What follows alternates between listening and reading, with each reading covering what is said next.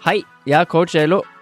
I løpet av mine ti år som coach har jeg vært så heldig å møte mange fascinerende mennesker. Dette er mennesker som er målretta, og som har en spesiell drive for å bli bedre. I denne podkasten har jeg fått sjansen til å sette meg ned med flere av disse, hvor de deler åpent og ærlig fra sin historie. Her deler de både erfaring og verktøy som er verdifulle for alle som ønsker å skape en forandring i livet sitt. Har du et mål eller et ønske om å forandre noe i ditt liv? Da er denne podkasten for deg.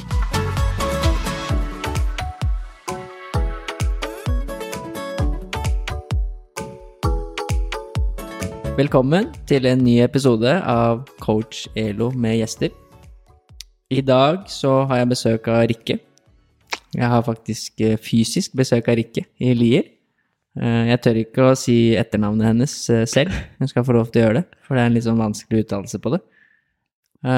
Rikke hun har bestemt seg for å legge opp som håndballspiller, og det er det vi skal prate litt om i dag. Det er en vanskelig prosess, og Rikke er en av de få som har valgt å åpne seg litt opp om det, og det syns jeg er fint. Eh, Og så skal vi også prate litt om eh, de forskjellige skadene hun har hatt, og hvordan det har vært å gå gjennom de skadene. Eh, Primært kanskje opptrening av kneskader det skal handle om. Og så bli litt bedre kjent med Rikke underveis også. Så velkommen til deg, Rikke. Tusen takk. Du kan starte med å si etternavnet ditt, for jeg tør ikke. Eller jeg kan si Østegård, da. Det klarer jeg å si. Ja, Østegård, ja. Eh, Shiri heter jeg. Shiri. Ja, det er litt vanskelig med den eh, Jeg pleier jo egentlig å si når jeg er i Oslo og, og møter folk som ikke er fra, fra Romsdalen, da, at de, når folk skal skrive ned navnet mitt, så må jeg liksom si Skiri, fordi folk sliter, tydeligvis. Det var det jeg hadde tenkt å si. Ja, Skiri. det er feil. Det er feil. Ja. Men her står det du er fra Vestlandet, som vi sier Mm. her, da. Hvor er du fra? Jeg er fra Åndalsnes, en eh, liten by utafor Molde. Og eller jeg irriterer meg egentlig litt over at jeg må liksom si Molde i tillegg, for folk burde vite hvor det er. Veldig fin plass. Fine fjell. Men er det en by? Ja, det er faktisk det. Det har bystatus, og det, det er vi litt stolte av, faktisk. Ja. Mm. Jeg har vært i Åndalsnes. Det er fint der. Mm. Fin natur. Men uh, du har valgt å komme til Lier. Du har satt deg på toget og kommet til Lier for første gang i ditt liv. Ja, det her um, er jo litt um, utafor komfortsona å bare takke ja til å få bli med i denne podkasten, da. Um, men uh, veldig fint her i Lier. Her jeg sitter og ser på luftballongen og sjukt fin utsikt. Det er bra. Ja, jeg hadde tenkt å skryte litt av det, så Ja. det er bra at du syns det er fint. Veldig fint. Det er på toppen av ligger nå, Ja. så nå ser du, ser du ned til Drammen. Der har du vært før, da, i Drammen. Det skal vi prate litt om etterpå. Det var Ja. ikke nødvendigvis så hyggelige turer du har hatt innom Drammen, men du har vært der i hvert fall. Jeg har vært der et par ganger. Stemmer. Men uh, jeg kjenner jo ikke deg noe særlig fra før. Vi har noen felles bekjente. Mm. Uh, jeg kunne jo spurt de kanskje om noen fun facts og sånn, men det har jeg ikke gjort.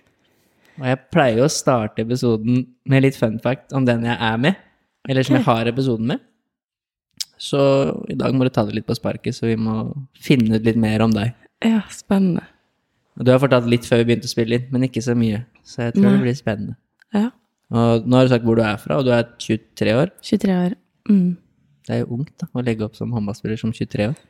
Ja, det, det håper jeg få trenger å gjøre. Ja, Det håper vi også. Men det er bra at du skal prate om det. Men vi må, vi må finne litt ut om deg. Så jeg har notert noen spørsmål. Sånn Ok. eh, bare alt mulig rart. Alt og ingenting. Ja. Så det første er om du har noen guilty pleasures. Og gjerne noen som du kanskje er litt flau over at du har. Oi. Det hm. Godt spørsmål. Jeg føler at hvis man har det, så, så kanskje man bare kommer på et med en gang, men jeg tror ikke jeg liksom har noen som er Eller kan liksom det å måtte spise den havregrøten hver morgen være en sånn type Altså, det er litt sær der, da. At de Ja, det er jo en guilty pleasure på en måte. ja. Ikke sånn veldig spennende, kanskje. Nei, den er ganske kjip og trist. Men ja. Hva har du i den grøten, da? Hvis det, er det som er så spesielt med den? jeg tenker det som er spesielt, er at de at eh, Eller mange venner av meg syns liksom herregud, det kan jo ikke være så digg, liksom. Men jeg syns da det er dritgodt. Men da er det jo skiafrø da, og havre og melk og masse digg topping, egentlig. Mm. Ja, det er ikke feil, det. Nei? Så det var, det var guilty pleasuren din. Ja, den er min. Ok. Da må vi jo finne ut litt mer, så Har du en favorittfilm? Eller en favorittserie? Det sa du litt i stad, du ser ikke sånn kjempemye på serier. Men du har sett en du syns var bra?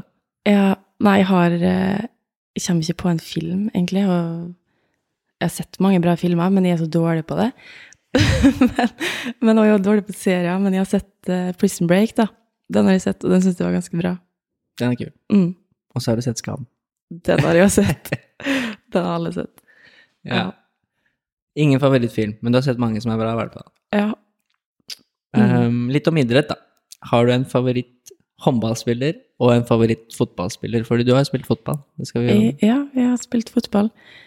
Um, men jeg tror på en måte aldri jeg har hatt sånne eh, store forbilder som jeg har hatt sånn favorittopplegg. Uh, opplegg. men um, når jeg var yngre, så var det jo Gro Hammerseng Edin. Var fan av henne. Og fotballspiller Nei, jeg tror egentlig ikke jeg har det. Nei. Nei. Så du har en bror som er Ja. eh, Nå er det jo han, da. Han Ja. er min Han spiller i England? Ja. Coventry, var det det? Ja. Ja, Da har du i hvert fall én. Ja. Men Gro Hammerseng er ikke et dumt forbilde å ha. Nei. Hun var flink. Mm. Men vi skal jo i dag snakke mer om deg. Og hovedtemaet er jo det at du har valgt å gi deg som håndballspiller. Mm. Og det er stort at du velger å stille opp. Jeg kan jo se for meg, Det er jo ikke så lenge siden, så jeg kan jo se for meg at det kan være litt vanskelig å prate om. Mm. Men du har jo laget en sak på NRK, blant annet, som kom ut forrige uke. Den Ja. var fin. Uh, som folk kan gå inn og lese. Men før det så må vi jo vite litt mer om din karriere. Ja. Hva som er grunnen til da, at du har valgt å legge opp. Mm. Uh, Du har jo hatt tre, i hvert fall, sånn som jeg har fått med meg, alvorlige skader. Og litt småting i tillegg til det. Ja. Uh, Og du er jo bare 23. Mm. Så å ha hatt tre sånne skader i den alderen, det er jo ikke Eller dessverre så er det noen som opplever det. Men eh, når har du begynt å spille håndball? Du kan jo begynne med det, og så kanskje Mm. etter hvert når den første skaden din kom, da. Ja. Um, jeg begynte å spille håndball Altså, jeg har alltid spilt håndball, vet ikke hvor gammel man er, sju-åtte år eller noe? Seks-sju år. Eh, og da holdt jeg på med ganske mange forskjellige idretter. Jeg spilte fotball, syntes det var veldig artig. Eh, håndball. Eh, drev på med litt sånn løping og friidrett. Ja, og hadde Hadde liksom ikke bestemt meg for liksom én ting jeg liksom ville satse på da, så tidlig. Men um, etter hvert så fant jeg ut at jeg måtte ta et valg, fordi det tok masse tid. Og um, når jeg var, gikk i tiende klasse, 15 år, så bestemte jeg meg for å satse skikkelig på håndball. Da. Um, så da trappa jeg litt ned på fotballen. Det var liksom de to som i lagidretter liksom var vært det som jeg alltid har drevet med til å Ja, jeg syns det er skikkelig artig. Um, så da huska jeg at de var på noen treninger for Molde, for de har jo spilt for Åndalsnes i alle år før det. Uh, og så var det veldig interessant å, å trene med folk på alderen min som var like engasjert, da, og som ville legge ned liksom litt ekstra innsats. Det var litt forskjellig på, på Åndalsnes av interesse der. Eh, så da for jeg til Molde. Jeg pendla et år da når jeg gikk i tiende klasse, fra Åndalsnes til Molde. Og så flytta jeg når jeg begynte på, på videregående, og spilte med en skikkelig fin gjeng. 97-kullet i Molde var helt fantastisk. Det var, det var bare artig, egentlig. Eh, vi hadde jo et satsingslag i Molde, og, og var ambisjoner i klubben med å på en måte få til et bra håndballag, da.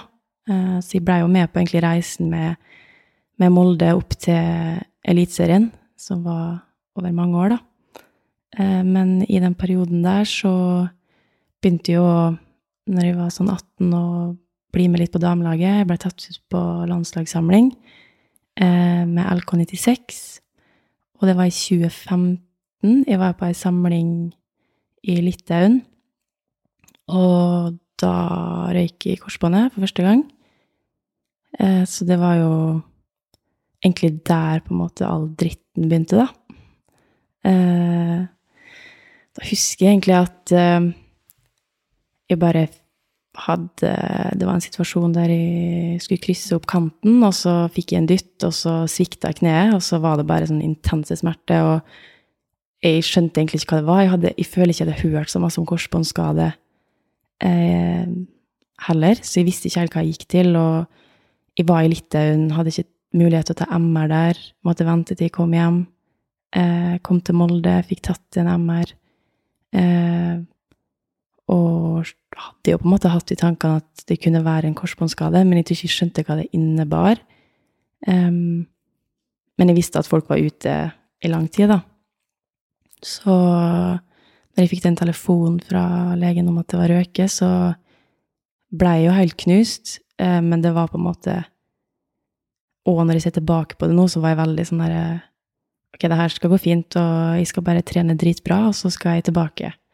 Eh, så det var jo tøft underveis i den perioden, fordi at man er, står utafor, som alle på en måte har kjent på når man er skada, og kjedelig å ikke være en del av uh, hverdagen med, med, det samholdet og kamper og alt det der. Men um, nå når jeg på en måte har gått gjennom det to ganger til, da, så følte jeg liksom egentlig at jeg takla den perioden veldig fint. Eh, så jeg fikk veldig gode tilbakemeldinger på alle tester og sånn opp igjennom Eh, den opptreningsperioden. Og så huska jeg at etter Det var vel til ca. sånn i mai, da, eh, et år etterpå, så, så hadde de fått klarsignal eh, om at de kunne bli med for fullt på trening. Og så var jeg vel med i tre uker for fullt, med oppkjøring da, til ny sesong. Skadefri. Og så røyk det igjen etter tre uker. Og da huska jeg at um, jeg hadde egentlig ikke så vondt når det røyk da. Jeg kneet bare svikta i en situasjon, og så Og så blei jeg bare sjukt forbanna fordi jeg skjønte at det røyk. Uh, og jeg husker at treneren min da, han flirte fordi han trodde jeg fikk krampe i leggen, da. Men jeg, jeg blei svarte bare sånn, jeg ropte bare tilbake at det røker, liksom, så gikk jeg av banen. Uh, man har jo alltid et sånn lite håp da, om at ja, det kan hende det bare er vridning, og at det er noe lite, men uh, det var jo da røyke. Uh, og da Da sleit jeg litt, fordi da på en måte visste jeg hva jeg skulle gjennom igjen, og jeg syntes det var så urettferdig, fordi jeg hadde gjort det så bra på alle testene. Hvorfor skulle liksom Hæ, hva er årsaken? Har jeg gjort noe feil? Har jeg trent for hardt? Har jeg ikke lytta til kroppen? Jeg, det var så mange spørsmål. Eh, så jeg brukte veldig lang tid der på på å på en måte stole på at den jobben jeg hadde gjort, var god nok, da. Men eh, det blei jo ganske fort eh, sånn diskusjon om kanskje det var noe med operasjonen som gjorde at, eh, at jeg kanskje røyk korsbåndet igjen, da. Eh, og ja, valgte å bytte kirurg, da når jeg skulle operere. For de bestemte meg for å fortsette. Jeg ville jo ikke gi meg. Eh, og så valgte jeg å operere med en annen i Drammen, så det er der Drammen kommer inn, da. Der mitt uh, møte med Drammen kom. Eh, og den operasjonen gikk veldig fint. I,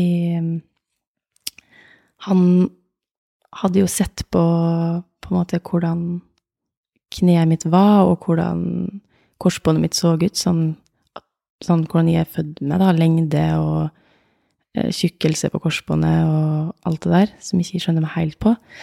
Men eh, han konkluderte i hvert fall med at han trodde at min muskulatur og min kropp kanskje trengte et korsbånd som var litt tjukkere og, og litt mer slakt, da, sånn at eh, ja, eh, ville fungere. Eh, så han valgte å og sette inn et, eh, et eh, litt annet type korsbånd enn det jeg hadde fra før. Jeg eh, tok fra patellascena, tror jeg det er. Og det har jo fungert kjempebra, så jeg tror at han gjorde en riktig vurdering der, da. selv om man på en måte aldri er helt sikker på hva som er årsaken til, til det. Så da var det jo mm, eh, ja, en ny periode, da, med full opptrening. Eh, og da satt det jo masse mer sånn mentalt, da, merka jeg. jeg. Jeg gjorde det fortsatt bra på alle tester, jeg følte liksom jeg tok steg, og jeg tvilte egentlig aldri på at liksom vi skulle få et sterkt nok kne til å liksom bestå de testene, og du kan spille, men jeg, jeg sleit skikkelig med det mentale. Så det å tørre å stole på kroppen sin, da eh, Det å tørre å sette ei fint igjen, det å ja, jeg, jeg husker jeg kontakta en idrettspsykolog eh, i den tida der, når jeg var på vei tilbake, eh, og hadde et møte med han som var sjukt viktig for meg akkurat da, fordi han Ja, han fikk meg på en måte til å ha en litt annen tankegang. Eh, blant annet at eh, man ikke skal fokusere på hva som kan gå galt hvis du setter en finte, men heller fokusere på teknikk. da, At de skal jeg skal nå fokusere på at de skal lande på to bein, da. Det er på en måte fokuset, og til slutt så går de tankene bort da, med at uh, det her er skummelt. Uh, og da var jeg jo veldig bestemt og er egentlig veldig glad for det, at jeg, jeg følte meg aldri pusha til at jeg måtte spille for klubben, eller jeg måtte på en måte vise at jeg var god nok for å kunne bli med på laget, da. Så jeg sa at jeg spiller bare forsvar. Det er kun det jeg takler nå. Jeg turte ikke å spille angrep. Jeg brukte veldig lang tid på å tørre det. Eh, og jeg var veldig bestemt på at for at jeg skal ha en mulighet til å på en måte bli den spilleren jeg en gang var, så må jeg være 100% trygg. Jeg kan ikke gå utpå der og være redd.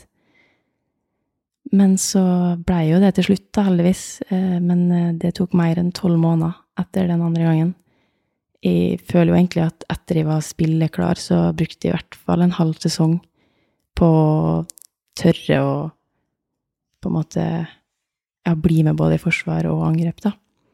Mm, og det var jo på det tidspunktet òg jeg valgte å gå fra Molde, da, til Rælingen, som jeg signerte for. Um, det var vel i 2018. Uh, eh, og det var egentlig fordi at jeg jeg var veldig bestemt på at jeg trenger spilletid, og jeg må få glede i håndballen. Jeg kan ikke sitte på benken i Molde.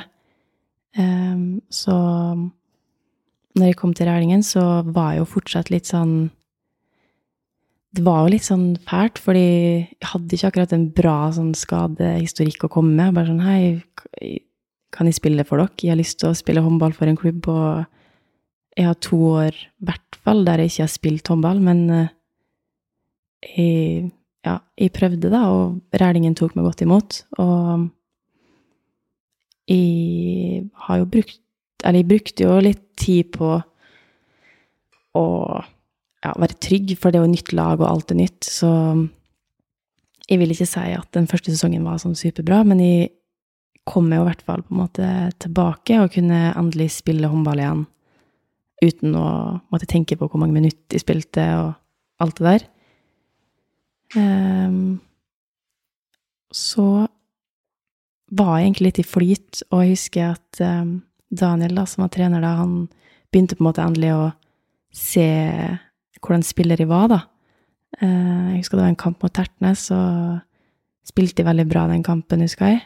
Uh, og så fikk jeg en liten sånn vridning i, i det kneet som jeg har operert to ganger i, da. Og skjønte at søren her, liksom, det var noe rart som skjedde, men jeg fortsatte å spille. Eh, og den natta så så jeg egentlig ingenting, fordi jeg, jeg, hadde fortsatt å spille kampen, men jeg hadde sagt til treneren at ikke sett meg på i angrep. Eh, det er noe som skjedde i kneet, men jeg tror det går bra. Det var Jeg vet ikke om jeg klarte å tenke helt klart i den kampen, egentlig, og heldigvis da så var det bare menisken. Den Ja, bare så det var jo en lettelse. Så jeg var jo bare drithappy, egentlig, fordi ikke det var korsbåndet. Og var ute da i tre måneder eh, med bare litt sånn kjedelig opptrening uten å måtte heldigvis inn og fikse på noe. Eh, og etter det så så kom jeg med skikkelig fint i flyt igjen. Vi spilte i første divisjon. Det tror jeg var bra for meg. Eh, fordi da da var det litt lavere nivå, og jeg kunne liksom endelig på en måte senke skuldrene. Og brukte jo litt tid der på å stole på kneet, men det tok ikke så lang tid. Jeg hadde fått litt sånne gode teknikker fra han idrettspsykologen. Eh, så følte jeg mestra den perioden fint. Eh, og så var det egentlig den sesongen at de endelig på en måte klarte å elske håndball igjen, da. Jeg ser tilbake på den tida nå og syns det var helt sjukt artig å spille. Jeg, jeg, følte meg god, og jeg følte meg viktig i et lag, og jeg bare var så takknemlig for at, uh, at jeg var en del av det der, da.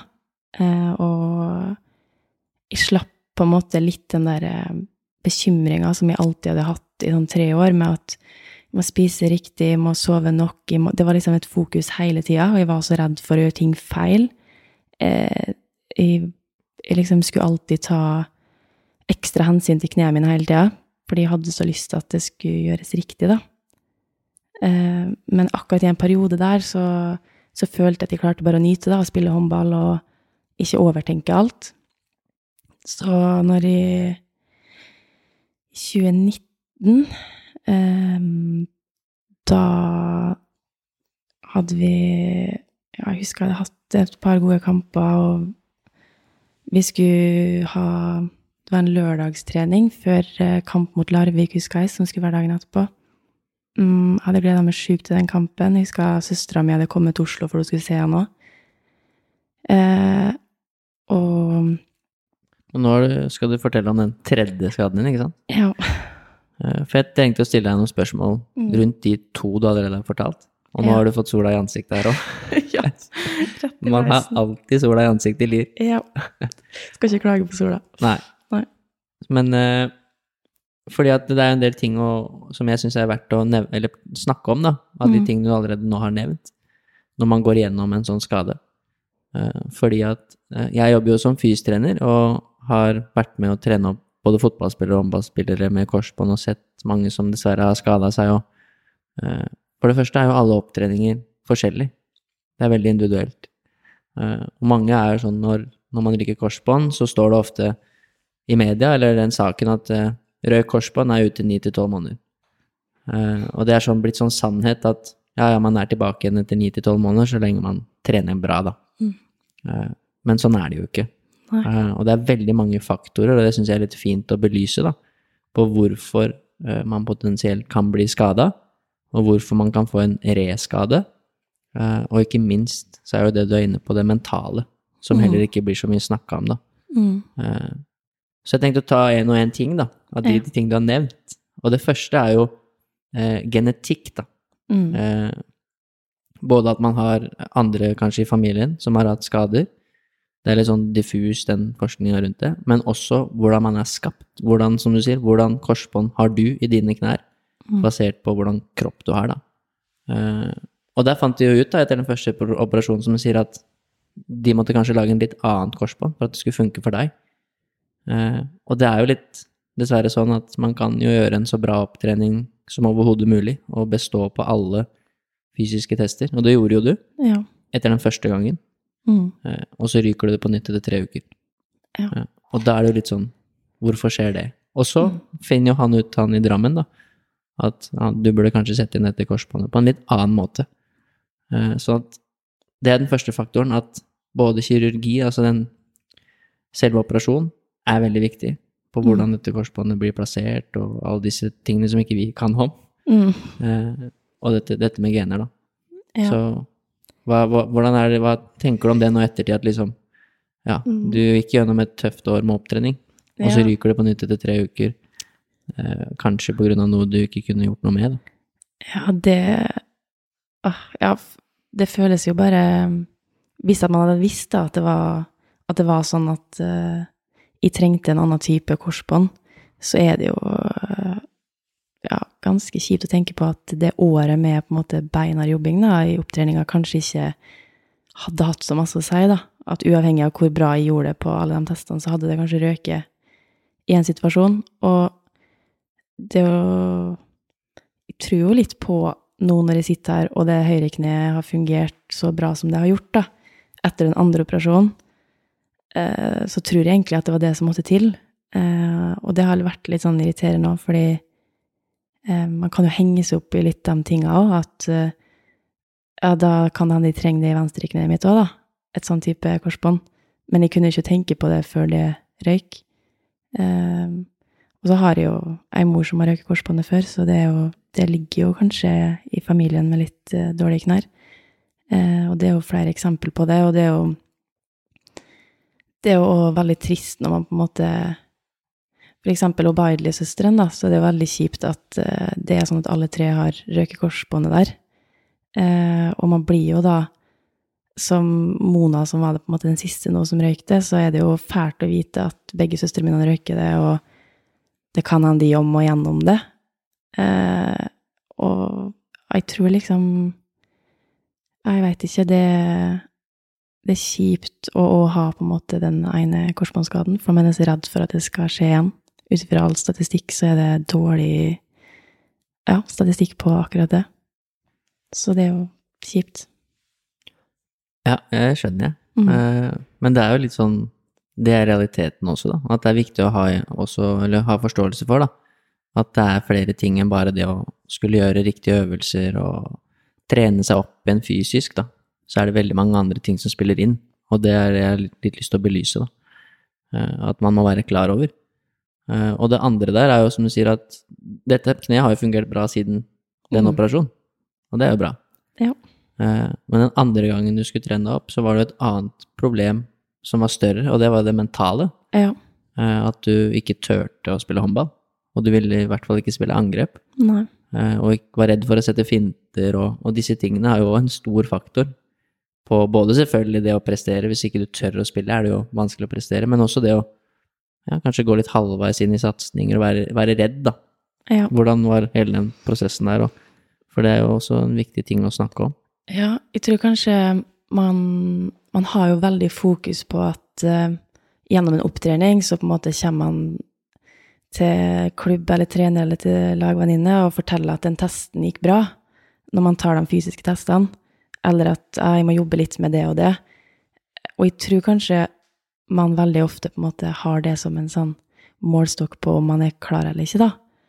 Eh, og for meg så var det stor forskjell på første og andre gang med akkurat det mentale, fordi jeg, jeg føler meg på en måte ganske sånn eh, sterk mentalt til å til å takle selve perioden med å være utafor laget, og at, eh, at nå er jeg på en måte skada, og innse det. Men det der med å At jeg aldri på en måte turte å slippe meg løs, og at jeg, jeg skjønte at det på en måte var en hindring for meg, da, og at det kunne ødelegge for meg hvis de ikke klarte på en måte å jobbe med det.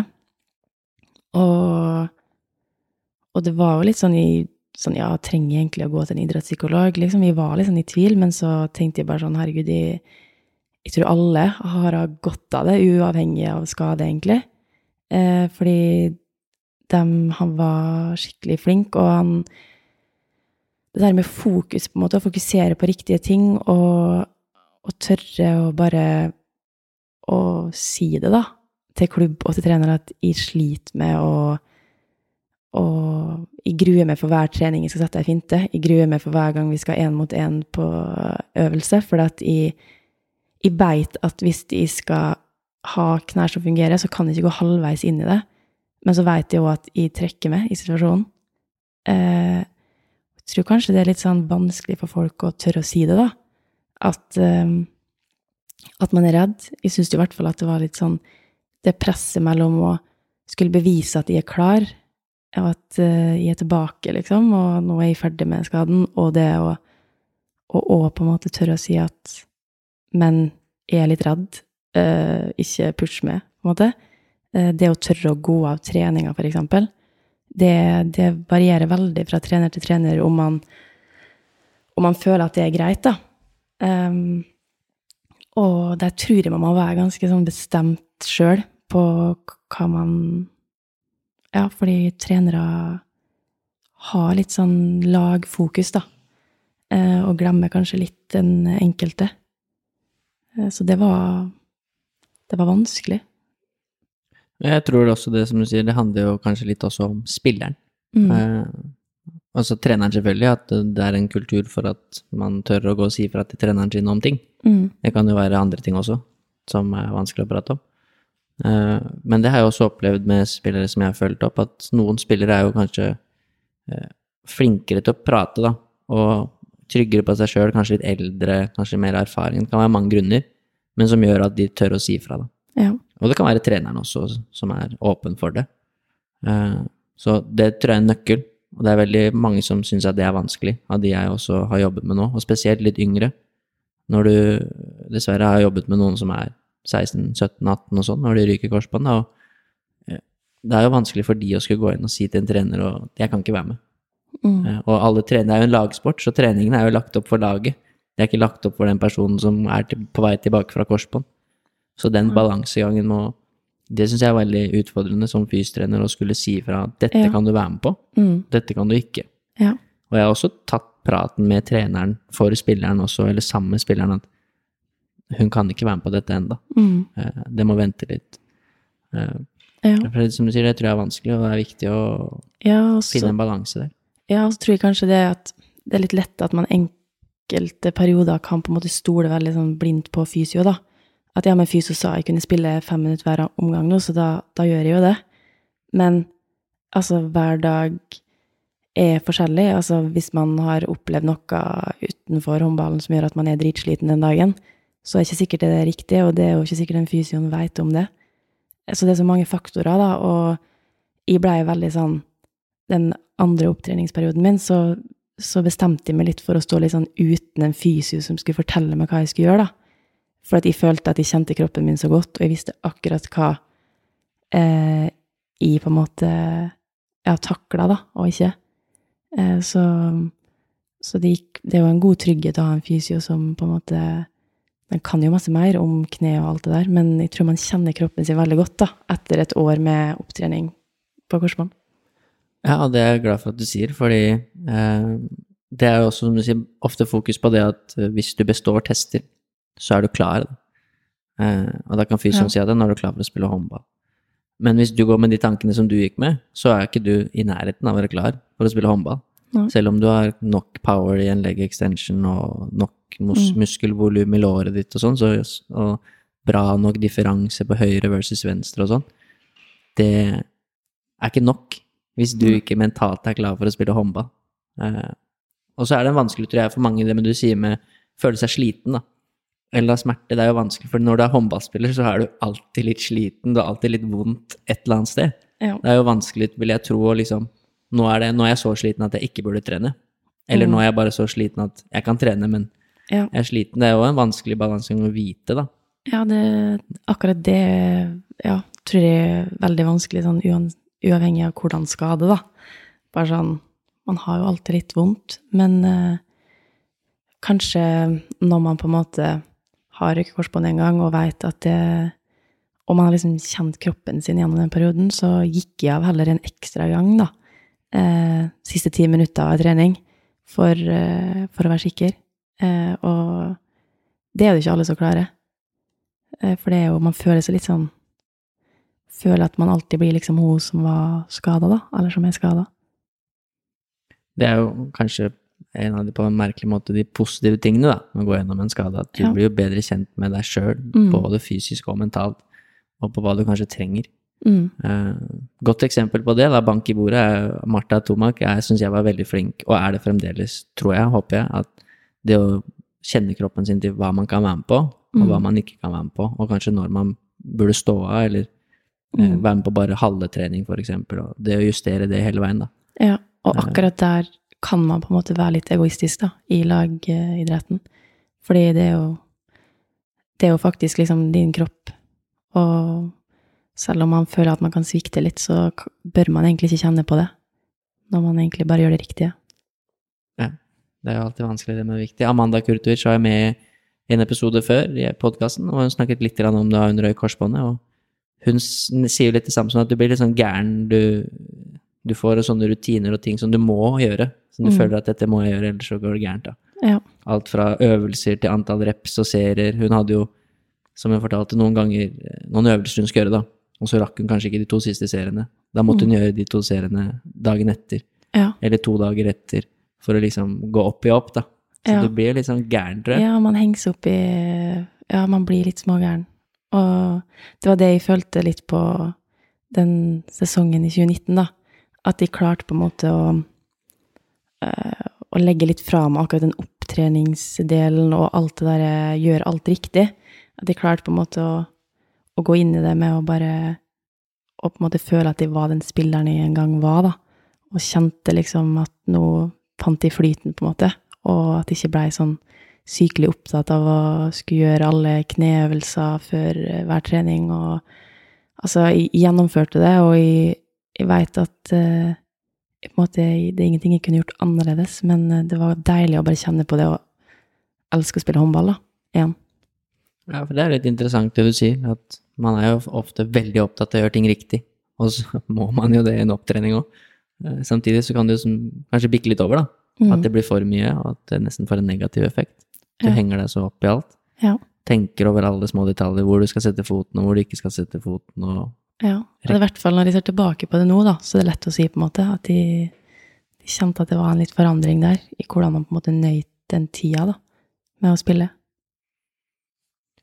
Men du har jo ikke kommet til til Nei. neste skade, for eh, eh, denne 2019-sesongen så ryker du korsbåndet for tredje gang, Ja. eh, og da ryker du det andre kneet. Så dette høyre kneet fungerer jo fortsatt, Mm. eh, men nå er det da venstre eh, Ja. som ryker. Du var litt inne på det i stad, var i gang med å fortelle det. Ja. Nei, det var Ja, vi var jo som sagt i flyt, følte jeg, og det var en sånn kamptrening dagen før kamp mot Larvik.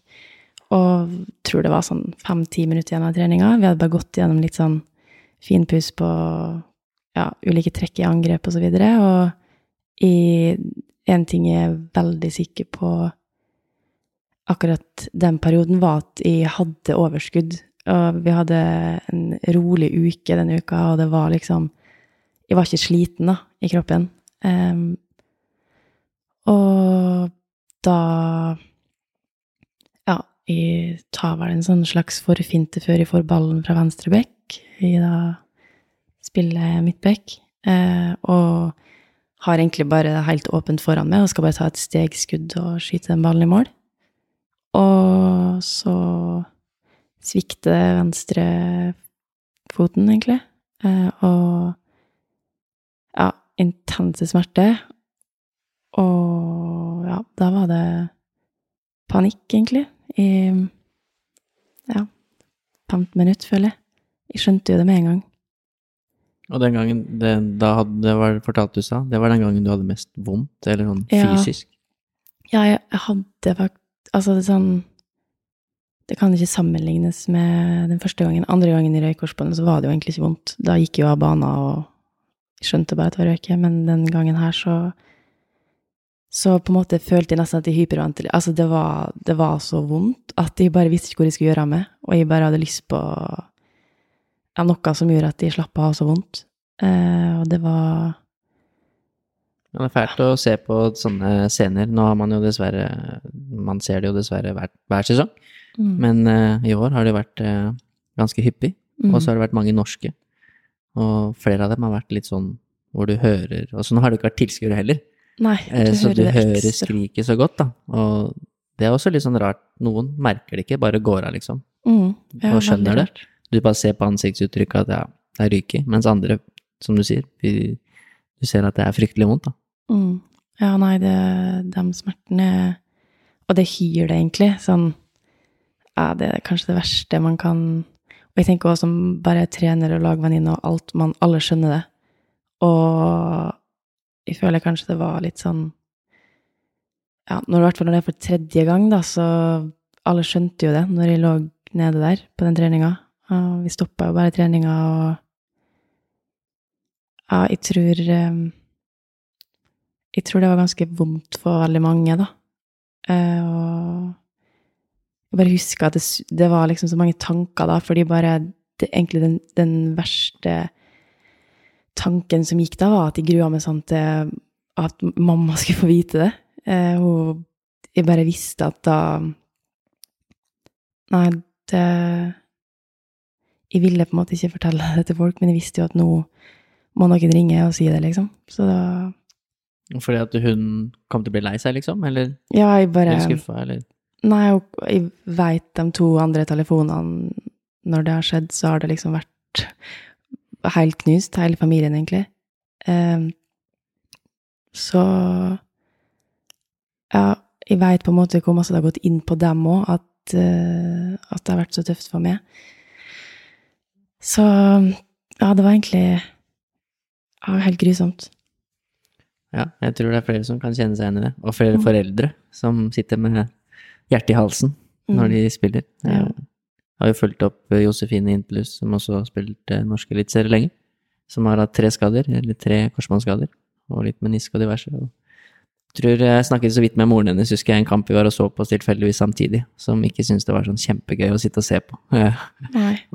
var redd egentlig hele tida, da. Ja. Og sånn er det jo litt for oss òg, som er trenere. Jeg, er fryktelig Man vil jo at spilleren at det skal gå bra. Mm. Så de man vet har ryket det før, man sitter og holder pusten hver gang det er satsinger, og de får en dytt eller er på vei ut av banen eller lander feil, så Mm. sitter man jo bare og håper og krysser fingrene for at ikke det Ja. skjer noe. Uff, det er dessverre sånn.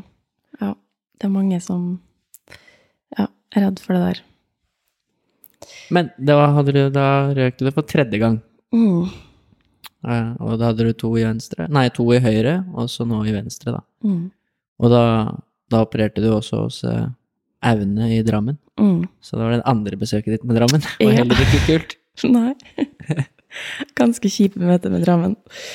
Men eh, Nei, jeg, jeg, vet ikke. Det var jo liksom panikk de dagene uh, når jeg fikk beskjed om at det var røyke. Og jeg bestemte meg ganske fort for at jeg, jeg skulle operere, og jeg skulle prøve igjen. Og jeg tror kanskje Jeg veit ikke. Det var den der tanken på at Men jeg har jo operert høyrekneet mitt to ganger, og den siste gangen så gikk det jo så bra. Og herregud, jeg trenger bare det samme korsbåndet nå, den samme operasjonen med Aune i venstre, så går det her bra. Og jeg må bare Jeg klarer et år til, liksom. Det var på en måte det fokuset var.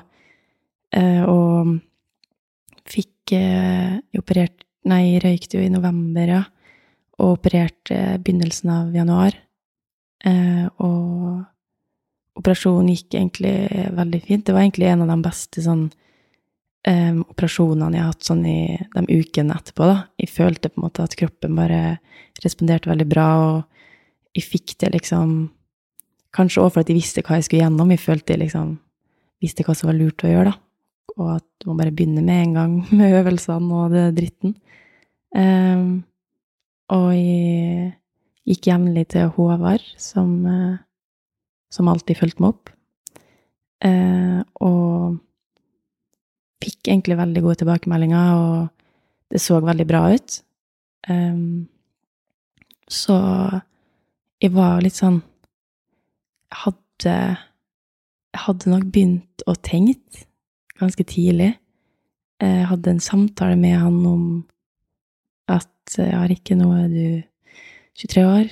Kroppen din har sagt fra tre ganger at det her er litt for rart, det du holder på med. Men jeg, jeg på en måte hadde sånn den derre Det hadde vært så sjukt artig å spille håndball igjen. Jeg hadde liksom endelig funnet den Jeg bare klarte ikke tanken på at, eh, at jeg skulle liksom gi meg noe. Så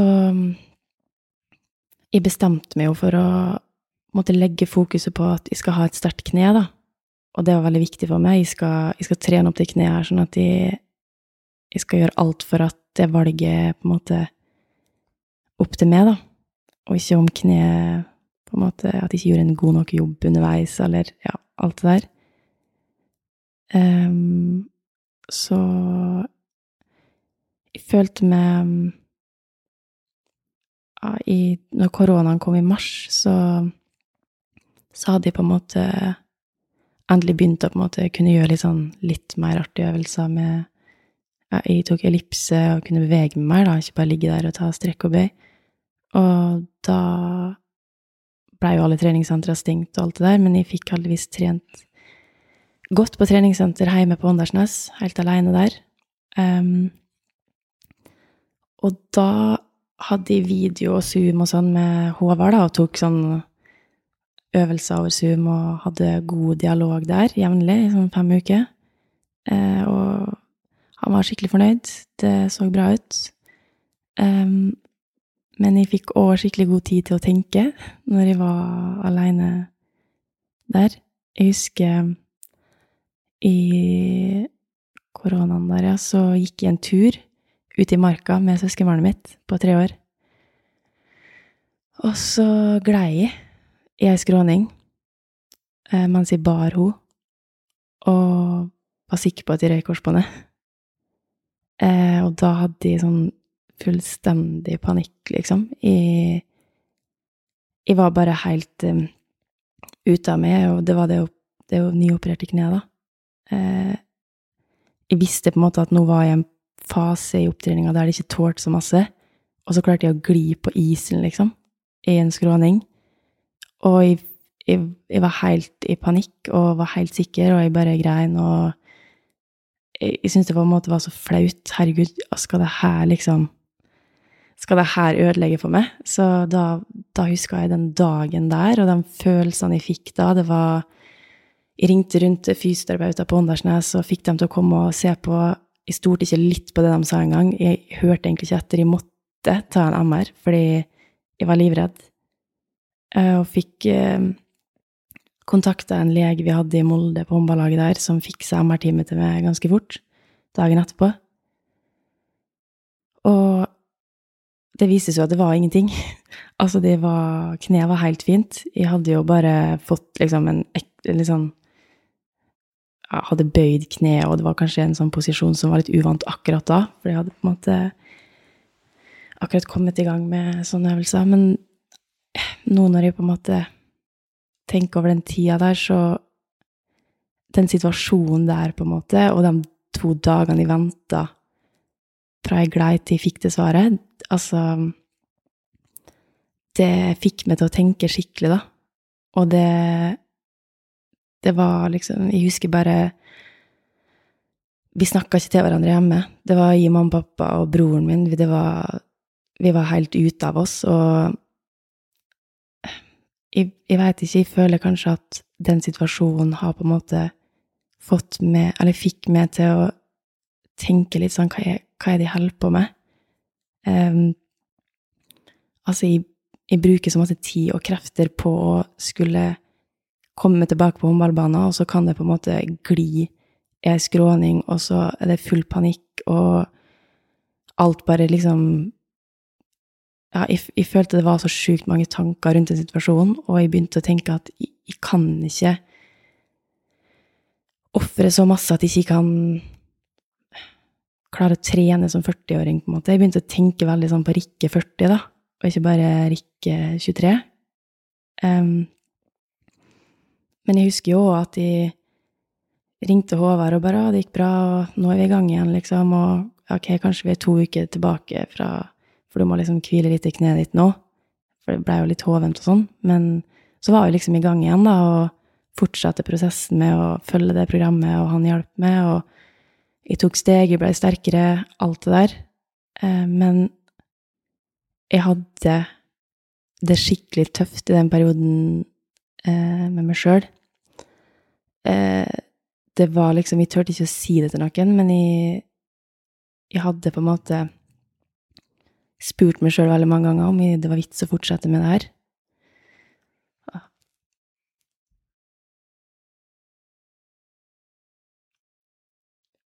Det er bare fint. Ja.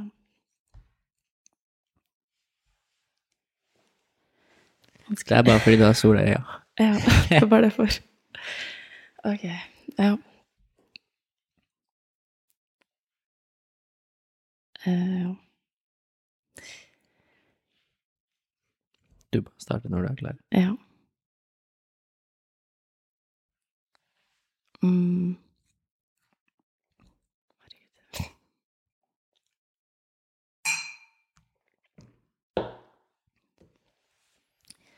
Ja. Så det var Det var skikkelig mange Ja, jeg stilte meg sjøl veldig mange spørsmål i den perioden, da. Om om det her var riktig for kroppen, og halve med ville så veldig gi det en sjanse, da. Og jeg hadde på en måte alltid i bakhodet at Og det tenker jo enda at det kan godt hende det hadde gått helt fint, fordi jeg opererte, og høyrekneet mitt har jo fungert så bra, så hvorfor ikke bare prøve nå? Hva har jeg å tape, liksom? Men så var det på en måte den andre delen av meg som sa at Rikke, det viktigste for deg er at du har en kropp som kan bevege deg, liksom, og du kan ikke ødelegge det sjøl med det her, da. Eh, og jeg, jeg husker jeg, jeg ringte han psykologen igjen, da, som jeg hadde vært med Det var sikkert to år siden sist jeg snakka med han, da. Eh, og det var litt sånn desperat at jeg bare Hei, røyker korsbåndet tre ganger, jeg vet ikke hva jeg skal gjøre, hva jeg burde gjøre. Eh, jeg vet egentlig ikke om jeg trenger å møte det, men hjelp. Det var Jeg, jeg trengte bare råd. Eh, og da er det jo sånn som På en måte jeg følte det var litt for alle rundt meg, at det, du kan spille du rykke i fem år til. Det kan gå bra. Men du kan også ryke det etter ei uke. Det er det ingen som veit, og det kan vi aldri svare det på. Og det her må liksom du finne ut av sjøl. Og det var liksom ikke det jeg ville høre, men jeg var også litt irritert i den perioden fordi testene gikk så bra, da. Og kneet liksom fungerte så bra. Og på et punkt der så huska jeg bare skulle ønske at egentlig det ikke gikk bra. At jeg fikk beskjed om at Rikke, du Ditt kne tåler ikke det her. Men det var liksom aldri det. Og egentlig så er det jo bare dritbra at det fungerer. Men uh, jeg vet ikke, jeg hadde liksom så lyst til at noen skulle hjelpe meg med valget, og samtidig skjønte jeg at ingen, ingen rundt meg turte å si hva de mente, fordi de var, visste hvor masse håndballen betydde for meg. Uh, så det har alltid Fra egentlig røyk den tredje gangen, så har på en måte hele familien vært veldig sånn um, klar på at uh, de støtta meg uansett, og at dette var opp til meg, på en måte. Men uh, jeg sleit uh, veldig med å bestemme meg, da. Brukte veldig mange måneder på den, ja, de tankene der. Ja, det er ikke så rart. Det er et stort valg, da. Mm. Uh, og en stor del av deg. Men det er to ting jeg vil spørre deg om, da. Fordi før før vi spilte inn, da, eller når vi snakka litt om å gjøre denne episoden, så ville jeg jo høre litt mer om deg, og, bare for å vite litt mer hvem du er. Og da sa du jo noe interessant, at håndball er viktig, men du er òg veldig glad i trene ellers, eller ha en kropp som fungerer, da. Og jeg husker ikke nøyaktig hva du sa, men forskjellige typer aktiviteter da, som du Mm. liker å gjøre. Hadde det også noe med det å gjøre at liksom, når du er 40, så vil du kunne Ja. gå på ski eller Ja. løpe eller hva det måtte være, da? Ja, helt klart. Det, jo, det var jo det jeg tenkte. Vi er jo en um, aktiv familie, og jeg på en måte Jeg kan ikke se for meg at jeg skal være 40 år og ikke få lov Eller ikke kunne jogge med en tur, hvis de vil det, på en måte. Det, eller stå på ski, eller eh, Jeg bare ha en kropp som på en måte fungerer. Eh, fordi man har jo hørt om de skrekkhistoriene der man blir idrettsinvalid da, av å ha gått gjennom så mange skader. Og jeg, jeg klarte jo heldigvis, da, fordi jeg tror det er viktig å av og til tenke litt lenger, da, enn bare her og nå. Fordi det er jo ingenting annet jeg har lyst til enn å bare prøve om det kneet fungerer, og så sjekke, liksom. Men eh, det var den tanken om at det kanskje kunne ødelegge for meg, det Ja, den satt veldig sånn dypt, spesielt etter den episoden da jeg glei, da. At det bare fikk meg til å bare sette litt ting i perspektiv. At jeg At da, akkurat da, så satte jeg så sinnssykt pris på bare sånn å kunne endelig få lov å småjogge igjen, da. Og så var jeg så redd for at For jeg hadde jo tre operasjoner som hadde fungert, da, eller et høyrekne som var veldig bra, og så syntes de den operasjonen hadde gått så bra. Så det var så skrekk i at tenk hvis jeg ryker igjen, og så får jeg en mislykka operasjon, eller så får jeg et kne som bare har tusen problem. Så det var, det var så redsel for akkurat det. Ja, det er også veldig forståelig, da. Og det neste som jeg vil spørre deg om rundt det, er jo eh, Du sa jo du må ta den avgjørelsen selv. Eh, og sånn, sånn er det nok, og det kan jo være vanskelig. Men har du noen gang Jeg kjenner jo Håvard også, Moxnes, som du nevnte. Han er jo veldig dyktig og hjelper folk med å trene seg opp igjen. Og Aune er jo også en kjent uh, kirurg da, som er god til å operere knær. Men er det noen av disse to, eller noen andre fagfolk som noen gang har uh, sagt til deg at uh, du ikke burde spille, eller i hvert fall kanskje sagt at det er en risiko for at det her skjer igjen, eller Jeg veit at de ikke har pusha deg til å spille, for det kjenner de såpass at de ikke har gjort det, men ofte vil jo spilleren tilbake. Mm. Men har de noen gang fortalt deg at dette må du tenke nøye gjennom? Mm. Jeg har hatt en god del eh, gode samtaler med Håvard. Eh, jeg sa ganske tidlig til han, eh, når han bare spurte meg hvordan det gikk, eller sånn Hva tenker du? Så huska jeg at de sa at ja, at jeg hadde litt den Hun Rikke 40 i tankene, da, og ville ha råd fra han. Og han fikk meg jo til å tenke Han sa at de måtte tenke gjennom det, om det på en måte er verdt det, eh, og at jeg en dag skal på en måte eh, få barn og gjøre ting liksom med dem som en gang blir viktig, da. Eh, jeg har jo lyst til at jeg skal kunne trene ungene mine i håndball, liksom. Og han begynte liksom å stille meg litt sånne spørsmål, men det blei jo òg Jeg husker på en måte mot de sluttestene som var sånn han skulle sjekke på en måte om jeg var sterk nok, og alle sa hopptestene og sånn, så sa han etter en test at um, det her kom til han, han var redd for at det kom til å bli et valg der ikke testen kunne på en måte um, hjelpe meg i den løsninga, da. Eh, Jeg hadde på en måte så gode resultat at det her ble kun opp til på en måte mitt hode og hva jeg trodde var riktig, fordi han sa at eh, jeg tror dette lover bra for en ny sesong. Eh, så jeg fikk jo høre at det her var fullt mulig. Eh, Han sa noen ganger eh, noe om senskader, eller liksom bivirkninger av å ryke korsbånd og menisker og sånn. At det for eksempel at ja, det er en sjanse for at det, dette er kjipt om 10 år, eller 15 år, eller? Har, har dere snakka om det? veldig lite. Eh, mer sånn at man aldri veit eh, hvordan det vil bli, på en måte, hvordan kneet vil fungere. Men jeg har aldri egentlig fått en sånn samtale om det med noen. Kirurg eller eh, Nei. For det er jo interessant å høre også hva disse snakker med dere om. Det er jo ikke, de er jo ikke ekspert på det, men det er jo i hvert fall mye statistikk som viser at man kan få trøbbel i ettertid. da. Mm. At det er bieffekter av disse operasjonene og skadene. Ja. Det kan bli slitasje i kneet, rett og slett. Og det kan jo godt hende jeg bare har valgt å ikke høre på det. Ja, jeg vet ikke, Eh, men det var jo interessant å høre om det er noe man spillerne snakker om, da, med behandlere og kirurger og, og de som på en måte hjelper dem, da. Eh, For det er jo sånn Noen kirurger er jo veldig sånn, eller sånn spesialister på dette er jo veldig sånn at eh, nå må du trene trygt og normalt resten av livet. Du må holde deg unna vridningsidrett. Mm. Men jeg syns det er litt kult, fordi du sa det i stad før vi begynte å spille inn, at det er jo aldri noen forbilder du har eh, som gir seg av skader. Nei. Eh, og det er nok noen tilfeller, da, men det er ofte sånn. Jeg tror det kan være med å spille en rolle, for i- Mm.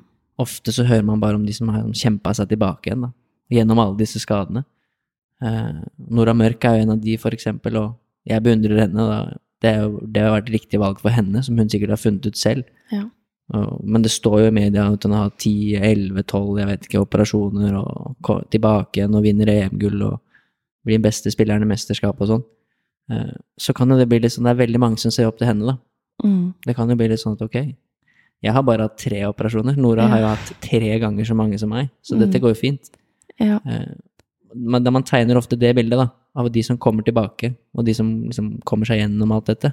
Mm. Man Ja. hører ikke så mange om Rikke, som jeg Nei. tenker heller på når jeg er 40, og når jeg skal få barn, og kanskje gå på ski med de, eller trene med håndball eller andre ting, da. Mm.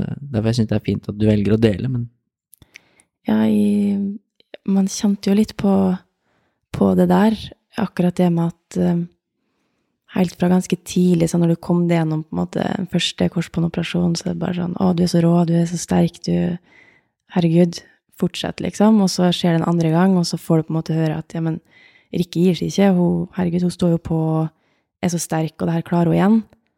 Eh, og så får man på en måte hele tida liksom applaus og på en måte Ja, man blir sett på som så sterk, da, hvis man velger å på en måte fortsette å komme seg gjennom en sånn tøff skadeperiode. Uansett hvordan skade, så, så skal man liksom bare kjempe seg gjennom det. Og det er jo skikkelig bra at det, at det er sånne forbilder å se opp til, dem som klarer det, og ikke bare gir opp i det, det er litt motstand. Men det var nok litt derfor jeg syns det var et skikkelig vanskelig valg, og at jeg brukte så lang tid på det valget. Fordi jeg følte meg mislykka, da. Jeg følte at eh, hvis de ga meg, så var jeg liksom Hva var jeg da? Da var jeg jo ikke hun sterke Rikke som, som bare fikk til alt. Altså, jeg følte bare at uh, da Da motbeviste jeg det på en måte jeg hadde klart før. Og ja, det var en litt sånn skummel tanke. Så da, det hadde litt å si, det også, for valget ditt. Det at forventninger fra andre, da, eller hvordan de så på deg. Hvem du er, og hva du sto for, på en måte. Ja, jeg tror egentlig at det man, man tror at man skuffer så mange, da. Eh, men jeg skuffa jo meg sjøl mest. Man er jo så sjukt streng mot seg sjøl, da. Eh, og forteller seg sjøl at eh, For drømmen har liksom alltid vært å bare leve av håndball og komme på landslaget, og du har liksom fra det kjempelita bare alltid på en måte fokusert på å gjøre allting riktig for den håndballen. Da. Du har i hverdagen det liksom eneste du tenker på, det er at nå må jeg spise pga. den treninga, nå skal jeg legge meg, jeg skal sove, jeg skal trene, jeg skal Altså, du har venner som spiller håndball, du, du kommer inn i en sånn boble som er så sykt Det er den, den du blir. Eh, og så plutselig så skal du begynne å tenke på at nå skal jeg ut av det her.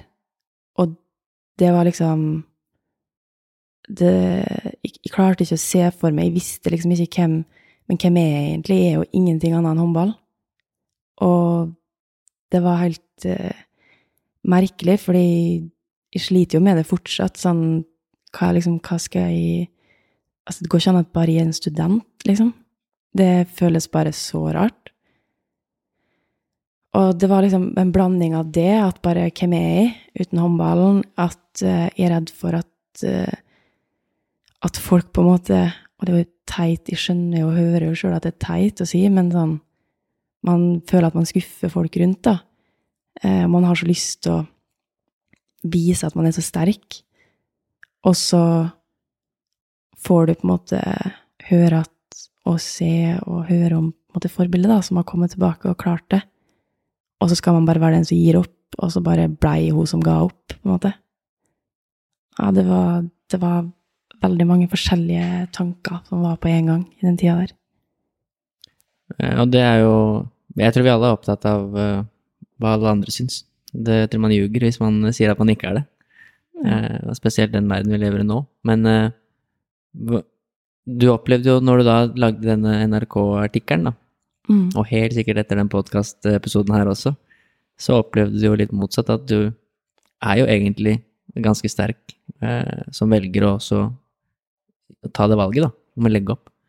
At det var ikke så mange som så på deg som at herregud, så håpløs du er som gir opp, liksom.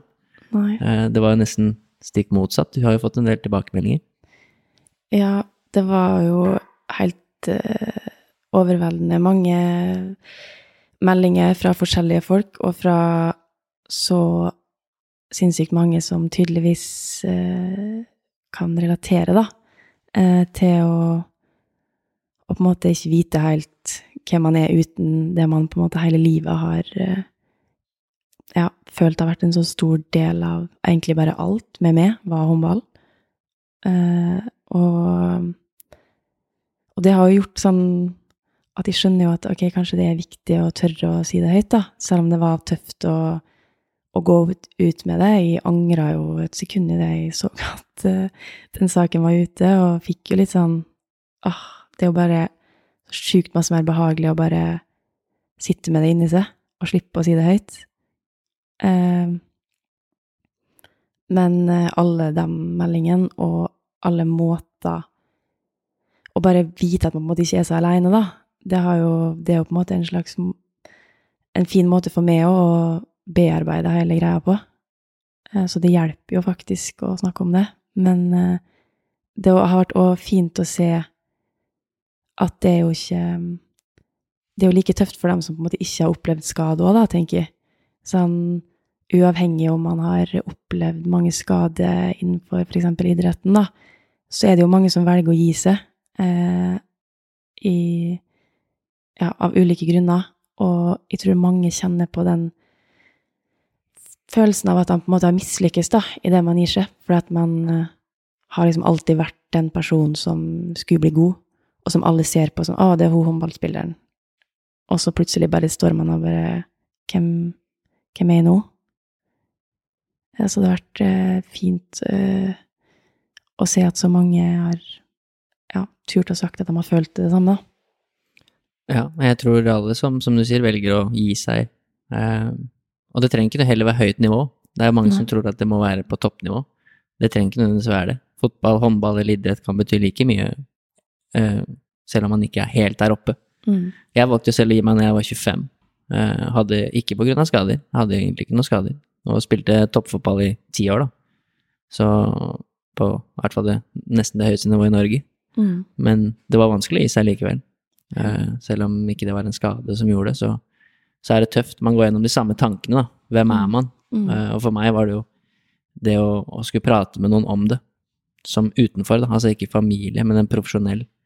Eh, litt de samme spørsmålene som du satt med, da. Mm. Men også at jeg hadde mange andre ting jeg interesserte meg for. Eh, Og for meg, man kan jo, alt er jo ikke likt. For meg var det litt sånn Jeg hadde alltid drømt om å bli fotballspiller. Det var målet helt siden man var liten. Men så Mm. fant jeg ut når jeg ble litt mer voksen at det var egentlig ikke min drøm. Det var ikke derfor jeg spilte fotball. Eh, Det var mer for at jeg syntes det var gøy, samhold, tilhørighet, andre ting, da. Mm. Så jeg, når folk ikke sant, Jeg følte jeg skuffa kompiser, venner, familie, ikke sant, som alltid har tenkt at du skal bli god til å spille fotball. Ja. Eh, Men så er det ikke det som er det viktigste for meg. Og så tok, tar det tid å finne ut av det, da. Mm. Eh, og så liker jeg å si at jeg har ikke slutta. Så det er kanskje litt Nei. lettere for meg. Jeg har bare Ja. på høyt nivå. Ja, Jeg spiller jo fortsatt. Mm. Eh, så jeg føler ikke at jeg har gitt vekk noen ting. Jeg har Mm. bare trener litt sjeldnere fotball enn jeg gjorde før. Mm. Så jeg tror den, den kan være vanskelig uansett, når man velger å slutte, da. Ja. Men du sa jo selv i stad at du måtte finne det svaret selv. Ja. og at familie og sånn sa at vi kan ikke ta det valget for deg. Vi kan ikke si at du ryker det eller ikke ryker det, eller Du kan spille ti år til og ikke bli skada, da. Du kan spille én uke og bli skada.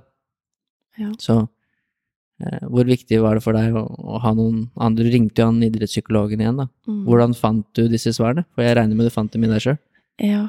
Um, nei, jeg Jeg begynte jo på en måte sånn smått å, å nevne det til familien, liksom. Bare sånn ah, Og jeg merka jo at jeg, jeg klarte ikke liksom å åpne meg helt og si på en måte at jeg, jeg tror kanskje jeg må legge opp, eh, fordi det var de orda på en måte var helt sånn jeg prøvde liksom å tenke hvordan skal jeg si det her på, så bare var det feil.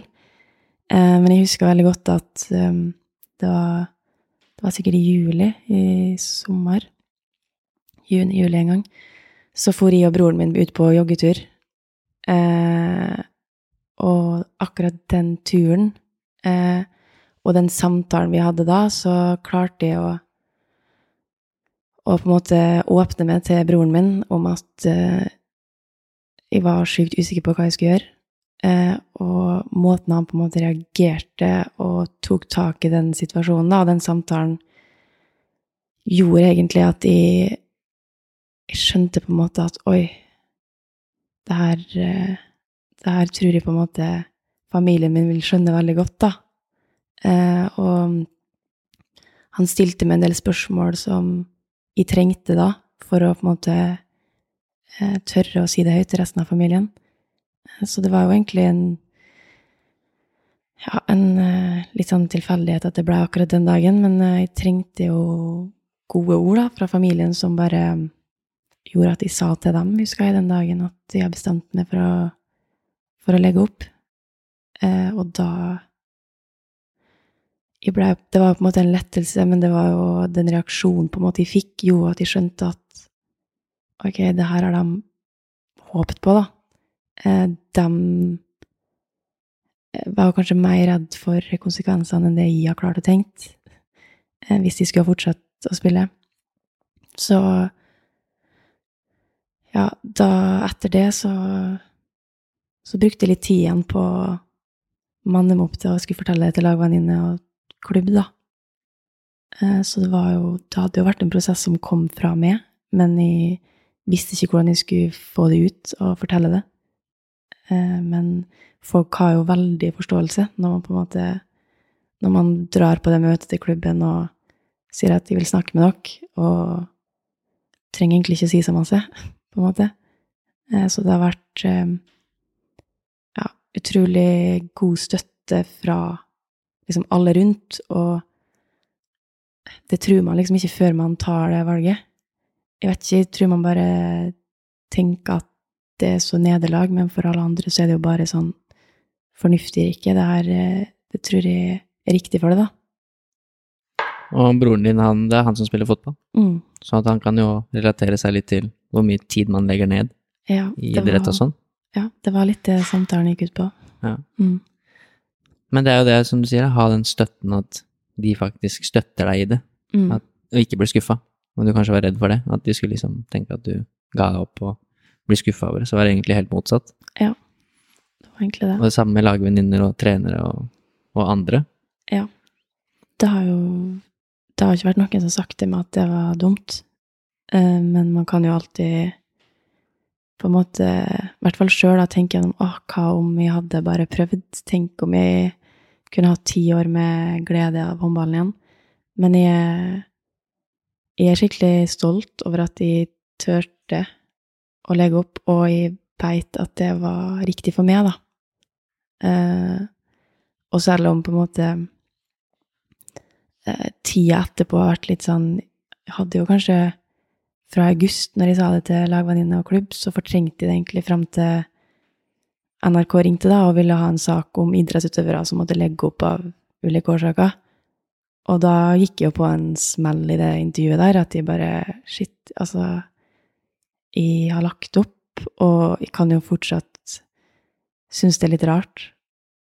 Fordi av og til føles det bare ut som at de, at de bare er ute med skade, og at de snart er tilbake. Men uh, jeg, jeg tror det er riktig for meg, da, å gi seg. Ja, det virker jo som du har brukt tid uh, på å finne det ut, Mm. eh, og gått gjennom hele den prosessen. Eh, både med familie og venner og brødre og alt mulig, og hendelser som når du sklir på isen, og ting som kan gi deg perspektiv, kanskje, da. Snakket med både psykologer og Håvard og alle de som har hjulpet deg, da. Mm. Eh, så har du funnet ut av det. Det er ikke enkelt, Nei. vil jeg tro.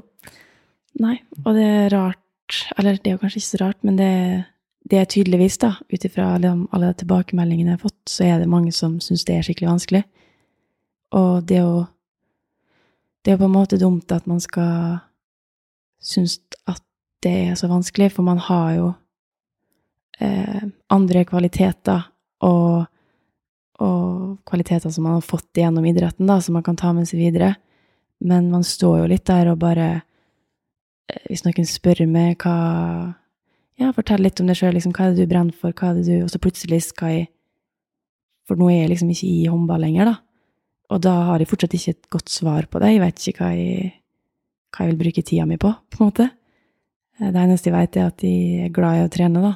Og at eh, derfor har jeg gjort noe som jeg tror kroppen min har godt av, da. Å gi seg med det som kan ødelegge den, på en måte. Men du har fått uh, henvendelser eller tilbakemeldinger fra folk som, som er i den prosessen? At de tenker på å gi seg, men syns det er vanskelig? Ja, det er kanskje det er litt forskjellig. Det har vært alt fra folk som har gitt seg, eh, som på en måte er glad for at noen satte ord på det. At eh, For man blir jo med en gang på en måte man, man slutter, da. Eh, velger f.eks. å slutte på fotball, så er man jo Da er man ute av laget, da. Og så har man på en måte ingenting med det å gjøre, bortsett fra de vennskapene man har fått. Eh, og det var Jeg tror kanskje det har vært litt brutalt nå i koronaen, da, for eh, dem som har valgt å gi seg eh, i forkant eller i perioden, fordi man kan ikke bare møte opp på ei trening og, og, være litt en del av det, for det har vært så strenge regler rundt det. Så for meg har det vært litt sånn tøft å bare eh, ah, Nei, jeg kan bare ikke fære på en trening med Rælingen nå, fordi de Altså, jeg er ikke i den korten, da. Mm. Og det har gjort at den, det har blitt et veldig sånn hardt eh, avbrekk. Og det kan jo hende at det har vært bra for min tankeprosess òg, men ja, det har vært veldig mange forskjellige som har eh, sendt melding, og som har uh, Som åpenbart ikke har klart å gi seg, da. Mm. Ja, og da er det bra at det er noen som tør å prate om det, da. Det starter jo der, som du sier, det hjelper å prate om det. Ja. Um, jeg tror du nevnte i stad at årsaken til at mange velger å ikke gi seg, også er litt den at man ikke vil være der når man er Så litt motsatt, at man ikke vil være der 40 også. Hva hvis jeg prøvde? Hvor mm. langt hadde jeg kommet da? Ja, eh, sånn som Amanda sier i sin eh, episode, at den karrieren her er så kort at jeg kan like greit se hvor mye jeg kan få ut av den. Mm. Men til gjengjeld så har jo hun vært ute med én korsbåndskade. Du har vært ute med tre. Så det er ikke sånn at du ikke har prøvd. Du Nei. har jo gjort dette flere ganger nå, og hatt ja. mange opptreninger.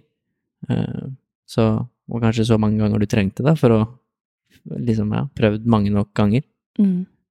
Ja, det er jo Det er jo helt klart uh, veldig mange Man kan jo liksom finne argument til å fortsette, uh, men og veldig mange gode til å gi seg.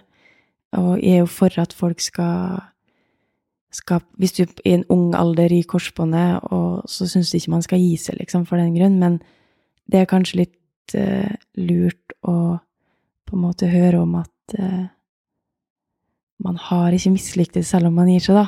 Selv om det kan føles litt sånn. Uh, fordi at de store forbildene til unge idrettsutøvere er jo dem som spiller på landslaget, og som får det til, og som har kommet tilbake man har liksom ikke et forbilde som ga seg som 23-åring, så ja. Man... Og nå har det kanskje det, i Rikke. det kan jo hende. Ah, ja. Garantert at det er mange som ser opp til den avgjørelsen der. Men det er som du sier, jeg tror uansett det er viktig også å respektere at det er individuelt, da. Eh, det ja. først og fremst jeg syns er så bra, at du velger å prate om det, og sette ord på hvordan det var for deg, og hvordan det potensielt kan være for mange, tror jeg, som velger å slutte, uansett årsak. Eh, og så har man nå de motsatte, som Nora og disse som Aksel Lund Svindal, de at alltid har kommet tilbake og vunnet gullmedaljer etter skader, som også er bra. Mm. Og det var riktig for de. Ja. Så det er jo ikke noe galt, det heller. Nei. At de på en måte Jeg ofrer helsa mi for å vinne den OL-medaljen, så er det ikke noe galt i det heller. Nei. Eh, men jeg tror man må finne litt ut av det sjøl. Hvorfor er det så viktig for meg å spille håndball? Ja. Eller hvorfor er det ikke det? Ja. Og ikke bare Jeg tror det er veldig mange som en del av dem jeg har fått meldinger fra, tror jeg er litt dem som um, ikke veit helt hvorfor de kanskje liksom gjør det, da. De bruker tida si hver dag på å trene, og så er man veldig glad f.eks. i lagidretten, uh, men man har òg på en måte innsett at uh, jeg vil ikke satse mer, og så skal man ja, skal man da bare gjøre det for gøy, eller skal man fortsette Man kan jo ikke slutte, hva vil folk synes om det da, eh, og alt det der. Og jeg har på en måte også sagt til folk at eh, hvis at det gir det mer enn det tar, liksom, tar krefter av det, eh, og du syns det er artig, så må man fortsette, liksom. At det er noe av det jeg savner aller mest. Eh, det er den lagfølelsen. Eh, og ja, man kan liksom finne sånn Man kan gjøre veldig masse annet utenom når man velger å gi seg, sånn gå på ski og toppturer og gjøre masse sånne ting, men helt ærlig så er ikke det i nærheten. jeg syns ikke det, det Jeg setter pris på det, og jeg, jeg nyter når jeg kan det, fordi det er noe jeg kan prioritere nå. Men det er ingenting som er bedre enn å vinne en håndballkamp med laget sitt, liksom. Så eh, man må på en måte Man kan jo velge å bare trappe ned, da, sånn som kanskje du valgte å gjøre, at ja, du satser ikke, men du kan fortsatt holde på med det. Og da tenker jeg at uh, bare holde i det, liksom, så lenge det gir. Ja, det er jo, som du sier, der, det er jo mange forskjellige årsaker til at folk velger å gi seg. Jeg hadde en Mm. samtale med en spiller i går, faktisk. Eh, Jeg skal ikke nevne navn, men som, som er litt på de tankene. Eh, som liksom, skal jeg fortsette, eller skal jeg gi meg? Eh, og ikke bare altså litt på grunn av skader, men litt på grunn av andre ting. Og da snakket vi bare så vidt om det. Liksom, men hvorfor er det så viktig for deg da, å holde på med idretten? Mm. Er det liksom gullmedaljer og nivået og sånn, eller? Eller er det andre ting som du sier, da er det garderobekulturen, tilhørighet, det å være med på det sosiale? Det kan være mange ting. Ja. Eh, Så meg, da, som eksempel, så er det det var aldri, Jeg fant ut det var aldri nivået som var viktig for meg. Selv om jeg har spilt på høyt nivå og vært en del av et A-lag i en eliteserie og sånn, så er det på en måte Det var aldri egentlig det som var viktig for meg. Eh, Det var kult, og det var kult at andre syntes at det var kult Mm. at jeg var god. Eh, Men for meg, jeg får, jeg får like mye ut av nå å gå på en bedriftstrening, da. Ja, sant. Det er det, gå på trening, være fri, da, for meg. Eh, De to timene jeg trener, så er jeg fri. Det er Mm. avkobling. Ja. Det er det som er viktig. Det er like gøy, da. Ja. Eh, Så jeg tror det er litt viktig Hvorfor er dette så viktig for meg Mm. med idrett? Ja. Og det betyr ikke at du mister noe selv om du velger å trappe ned. Så er det annerledes når du må gi deg kanskje pga. skader, da. Ja. For da kan det ikke hende du kan spille. Nei, Kan ikke spille litt håndball. nei, kan det enten eller. Ja. Det er jo kjipt, men ja. Men nå har du i hvert fall tatt valget. mm. Har du hatt noen Selvfølgelig jeg kan se, tenke, se på meg at det har gått mye fram og tilbake, og hva hvis og alle disse tankene her. Men hva hvis du finner ut om to år at du vil prøve igjen? Hva hadde du da følt at det har vært et nederlag? At liksom, herregud, skal ikke Skal vi spille håndball igjen nå? Det er kanskje ikke noe du har klart å tenke på, da, men Eh, Eller har du på en måte satt et punktum at jeg skal ikke spille mer? Jeg har jo på en måte sagt til meg sjøl at jeg ikke skal spille igjen, Mm. men uh, det, det er så brutalt på en måte å si det òg, da. Eh, Fordi man, jeg vil jo ikke det. Jeg har jo lyst til å spille håndball. Men det er litt sånn Når jeg på en måte valgte å gi meg, så gjorde jeg det pga. at jeg vil ha en kropp som fungerer i fremtida. Og da føler jeg at jeg de pisser litt på det valget hvis jeg bare hadde spilt fotball for gøy, eller håndball for artig om to år, da. Eh, For da har jeg jo en risiko for at jeg kan ryke det. Eh, Så jeg har litt kjent på at det er kjipt å på en måte aldri kunne Jeg elsker jo liksom ballidrett og lagidrett, og akkurat det er veldig vanskelig å få til for meg nå, da. Så jeg må prøve å finne meg noe annet gøy å holde på med. Ja, det er litt sånn det neste jeg tenkte vi kunne prate om. Hvor viktig har det vært, eller er det fortsatt, å ha andre interesser? Eh, Du studerer jo til å bli lærer. Mm. Eh, Ja, hvor, hvor viktig er det? Eventuelt, jeg skjønner at du er en prosess hvor du fortsatt vil finne litt ut av hva du skal drive med, Ja. men ja. Nei, det er jo Det har jo på en måte Jeg tror det er helt avgjørende når jeg på en måte i den prosessen jeg valgte å gi meg, eh, hadde visst at liksom en ting jeg har, det er liksom studiet. Eh, og det er veldig godt å ha på en måte noe å fokusere på i hverdagen, da. Eh, så det er jeg veldig glad for. Men jeg syns jo det er fortsatt litt rart å si at jeg bare studerer. Sånn når jeg møter folk så bare Ja, hva du Før har alltid vært håndballen som kommer først. Da. Sånn, ja, jeg er håndballspiller, og så studerer jeg ved siden av. Men nå skal jeg si at jeg studerer for å bli lærer, og så er det bare sånn Ja, det er liksom egentlig bare det jeg gjør. Eh, så jeg har jo vært eh, Jeg har jo hatt mange liksom sånn med venner bare sånn Ok, nei, nå skal jeg begynne på tennis. Nå skal jeg bli dritgod i tennis. Eller nå skal jeg Ja, altså, jeg har hatt mange sånne ideer som bare sånn Nei, jeg vil, altså, jeg vil jo egentlig ikke det. Altså bare sånn Har jeg prøvd bare å gjort det som gjør meg glad, da. Eh, jeg har vært eh, masse med familien, jeg har gått ski, jeg har eh, trent, for det syns de Altså, det å kunne jogge sin tur setter man helt sykt stor pris på når man har tre korsbåndoperasjoner, da. Eh, kroppen min fungerer, jeg, jeg har ikke vondt noen plass. Og bare det er på en måte gjør at jeg er glad for det valget, da. At uh, jeg har liksom Jeg har ikke Hadde jeg hatt dritvondt i knærne, så hadde det vært kjipt. Men jeg skal ikke klage, på en måte, for jeg har ikke vondt. Og jeg kan gjøre alt bortsett fra å spille håndball, på en måte. ja, det høres ut som du er på riktig vei med å I hvert fall at du prioriterer det du syns er gøy, da. Det du liker å drive med, det er ikke dumt, det.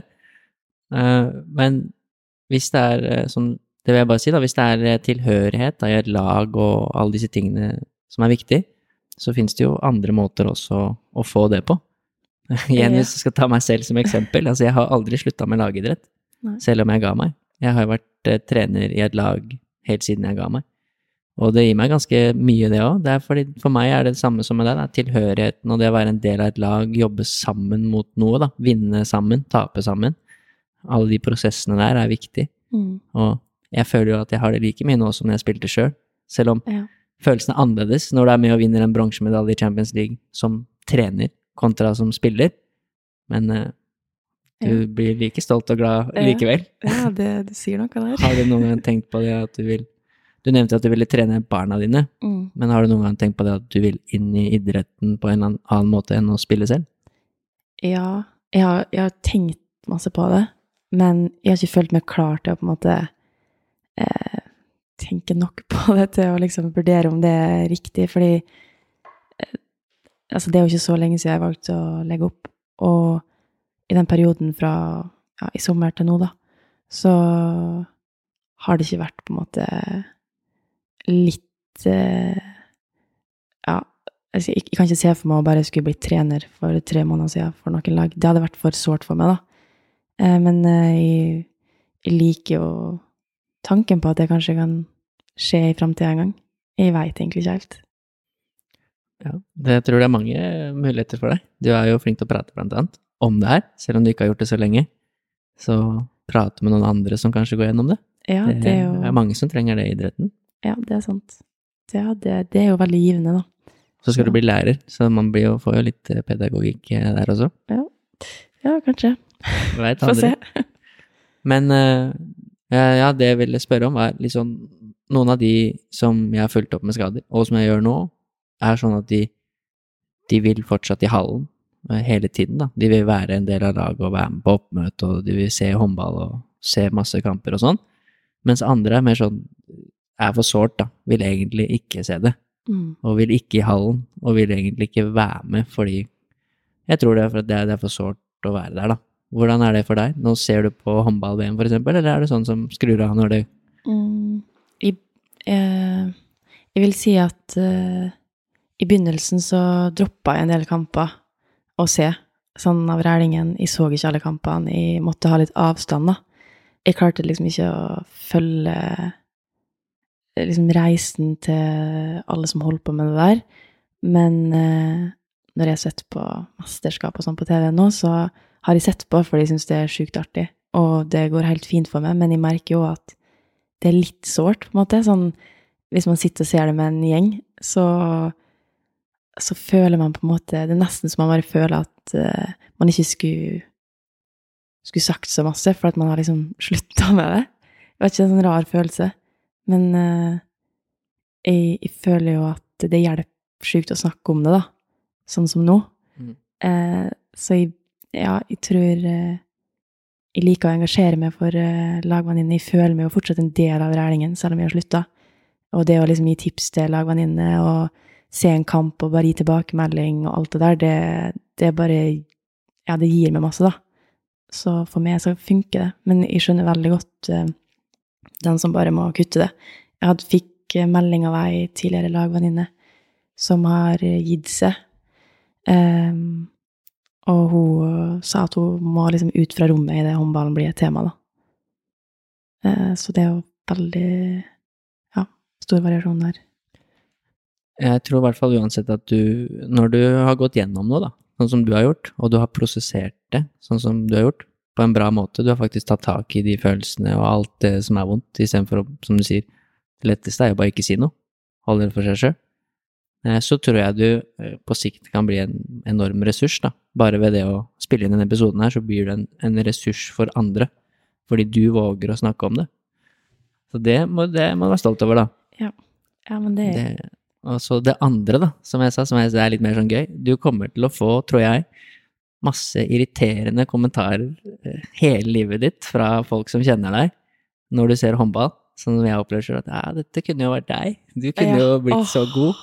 Hvis du hadde, hvis du hadde prøvd Ja. igjen, eller hvis du virkelig hadde liksom satsa, så er det sånn Ja, men det gjorde jeg ikke. Nei, det er nettopp det. Altså, det, det kan man liksom alle si, da. Hadde de bare, hadde de bare ikke vært skada, liksom, fy fader, kunne vært god. Eller hadde man bare orka og lagt ned en ekstra innsats, så kunne man vært dritgod. Men nei. Ja, det er sjukt irriterende. Ja. det hører jeg den dag i dag fra kompiser, da, som husker at når jeg var god da jeg var 15 og skåret alle måla, ja, du kunne blitt så god. Ja. Men jeg ble ikke det. nei. Ja, det, den er litt irriterende. Den Forhåpentligvis en stund til, Være forberedt på. Det er du nok. Forberedt på når det kommer. Ja. Men vi skal jo avslutte det etter hvert. Jeg synes, Du skal få lov til å si litt mer hvis det er noe du føler du vil si noe mer om. Men vi hadde et spørsmål eh, som, du, som du har fått, tror jeg, var fra NRK, tror jeg, Mm. som stilte deg det. Mm. Og så kom ikke det helt ut i den saken. Mm. Eh, Og nå har vi jo snakka mye om det, Ja. men kanskje litt mer konkret. Men spørsmålet var noe sånn som at hvorfor tror du det er så vanskelig for folk å slutte med Mm. idrett? Mm. Ja, jeg husker at når jeg fikk det spørsmålet, så syntes jeg det var på en måte eh, vanskelig å svare på. Jeg bare Hæ, ja, hvorfor er det egentlig så vanskelig å slutte? Men det er jo egentlig Vi har jo snakka masse om det nå, men um, jeg tror det er det der med at man hele livet har på en måte um, satt seg sånne delmål og har drømmemål. Man har liksom Man skal komme på landslaget. Det er liksom det skal man få til. Og så har man sånne delmål, og hele tida, hver dag, hver uke, hver måned, så jobber man liksom for noe. Eh, når man er liksom brenner for en sak, da, om det er idrett eller eh, ja, håndball eller fotball eller hva som helst. Og så er det på en måte hele din identitet er nettopp det, og alle rundt det er, gjør akkurat det samme som det. Så man blir veldig sånn egoistisk og litt sånn trangsynt, da, at det er sånn det er å leve. Og så på en måte får man en tanke om at man kanskje vurderer å gi seg og slutte, da. Og da har man jo ikke Da veit man ikke om noe annet. Så hvordan skal du da på en måte se for deg at det går bra? På en måte, det er jo helt sånn Det gir jo egentlig mening at det er vanskelig. Eh, og det er jo derfor det kanskje er viktig å ha litt andre ting ved siden av, da. Eh, man blir jo veldig sånn låst i det miljøet man er i, og spesielt sånn jeg har opplevd i håndballen, da, så er man på en måte Man blir så lik. Alle sammen på en måte har akkurat samme mening om nesten alle samme tinga. Vi er liksom Ja, vi må spise sunt, og vi må Og så når de kom på lærerstudiet, så bare Oi, her er det sjukt mange andre personligheter som er liksom kule på sin måte, og som har helt andre tanker om ting. Og det har jo gjort at de er bare Altså, man får litt sånn er glad for at de fikk litt sånn de syna, da. For at man kan gå inn i et spor der bare sånn håndball er alt, det er ingenting annet. Og ja, det Og det med at man føler at da har man mislyktes, da. For man fikk ikke til det som var det målet. Man fikk liksom ikke til det man har jobba for hver dag. Og det tror jeg det eh, gjelder alt, tror jeg. Du blir litt sånn Du blir jo litt uh, summen av alle de menneskene du omgås med. Uh, og jeg ser jo det, jeg er jo fortsatt i håndball, at uh, man har jo da lagvenninner som driver med det samme, og veldig mange venner som driver med det samme, og familier som alltid prater om det. Så når det er på middag, så er det håndball Ja. man prater om, Ja. eller idrett. Eh, og så er man jo sosiale medier, hvor man også ofte følger veldig mange andre som driver med det, da. De følger ikke kanskje noen som driver med noe helt annet. Nei. Eh, Så det er jo sånn klassisk eh, tips. Du skal få lov til å gi noen tips nå snart. Det var sikkert mange bra. Men det er jo sånn klassisk tips at man bruker hodet på noe annet òg, da. Mm. Studere ved siden av, jobbe ved siden av, pleie andre hobbyer. Som er et bra tips. Mm. Men jeg tror i hvert fall Jeg tror at det er vanskelig for noen, det òg. Altså hvis du, hvis du har så ekstrem motivasjon til å bli best, Mm. Eh, og hva enn grunnen til det måtte være, så tror jeg det er veldig vanskelig å ha balansegang òg, og du skulle drive med alt mulig annet. Eh, Ja. Hvis du er Nora Mørk eller eh, blir syk sammenlignet, eller Michael Jordan altså du, Det er ikke noe annet, da. Du skal vinne, du skal bli best, det er det eneste som gjelder. Ja. Og da tror jeg det er vanskelig å liksom sånn ja, Skulle drive med alt mulig annet òg. Ja, det er, jo, det er jo ikke helt optimalt, det. Nei, eller jeg tror det er vanskelig for mange, Ja. da. At det er dette jeg skal bli, det er det, er det her eller ikke noe. Mm. Uh, Men da er jo dine tips, da. Hvis ja, til folk som driver med idrett, uh, som ikke nødvendigvis er skada, eller kan, kanskje de blir det i framtiden, jeg vet ikke, men hva er dine tips til å være forberedt på at eventuelt man får en skade, eller må legge opp, eller Mm. begynne med noe annet? Nei, jeg tenker jo at um, for meg så var det jo viktig å ha, ha studiet ved siden av, da. Uh, så det er jo et godt tips å på en måte prøve å ha noe man, man kan lenes på om på en måte den drømmen ikke går, da. Uh, men så tenker jeg kanskje det viktigste er å hele tida sånn underveis, når man på en måte er i den, i den idretten man elsker, da, og bare spørre seg sjøl litt sånn hva er, det, hva er det jeg vil med det her? Og hva er det som er viktig for meg med akkurat det jeg gjør? Fordi det, man kan jo lett sånn eh, kanskje glemme det. Sånn som for noen så det er lagidretten og den laggreia som er viktig, mens for andre er det at de skal bli best. Eh, at, man, at, man, må lytte til hva som er viktig for seg sjøl, da. For det er jo helt eh, Ja, hvis, at, eh, hvis du en dag må gi det, så så kjenner man seg sjøl kanskje litt bedre, da, hvis man har stilt de spørsmåla til seg sjøl. Og da veit man jo at Sånn som jeg veit at jeg, jeg alltid likte å trent, og da har jeg det som en egenskap, da, at det, det kan jeg fortsette med. Ja, og så var de litt inne på det i stad at uh, du brukte jo idrettspsykolog, og mm. du anbefalte egentlig Jeg kjenner mange som bruker det. Mm. Om du kaller det for psykolog eller mentaltrener eller coach, altså det er mange navn på det. Ja. Men uh, Tror du det er lurt for ja. folk som driver med idrett, toppidrett? Absolutt. Det, altså, det tenker jeg sånn En prioritering man burde ta ganske tidlig, fordi alle har godt av å bare snakke om ting, og eh, jeg tror spesielt det der med at man man, blir så, man lener seg veldig på familie, da, og venner, og lagvenninner og trener og alt det der, og det å få en utenifra som bare kan høre på det du har som ditt problem, da, eller det trenger ikke være et problem engang, men bare råd. Eh, det hjalp meg veldig, i hvert fall. Ja, det er et godt tips. Eh, gjør, finne noe annet som du trives med, og som du liker å drive med. Kanskje teste ut da, forskjellige mm. studier, eller hva det måtte være. Gå og snakke med en idrettspsykolog, en mentaltrener, eller kall det hva du vil, mm. så du kan få litt perspektiv, kanskje. Ja. Og så tror jeg da at kanskje man må oppleve noe sånt som en korsbåndskade eller noe, før man faktisk får det perspektivet, da. Eller før man faktisk er i stand til å begynne å tenke og hvorfor driver jeg med dette? Er det verdt, ja. er det, verdt det, eller er det ikke? Fordi alt er jo enkelt når du flytter. Ja, det er et godt poeng. Ja, der, der har jeg fått tid. der har du fått nok av tid. ja.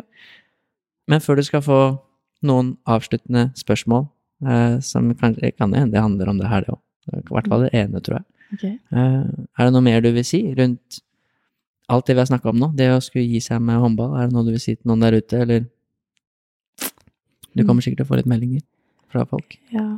Det er jo litt sånn klisjé, kanskje, å, å si, men uh, det er jo Og det er jo andre som har sagt det med òg, og som jeg, jeg, innser på en måte for hver gang jeg snakker om det, at man har fått med seg så masse erfaring, da, og, og ja, gode egenskaper, og og venner og alt det der ut fra idretten, som man på en måte aldri må glemme, da. Og eh, de kvalitetene man har fått gjennom alle oppturer og nedturer på håndballbanen, det kan man få så sjukt stor bruk for i veldig mange andre settinger, da.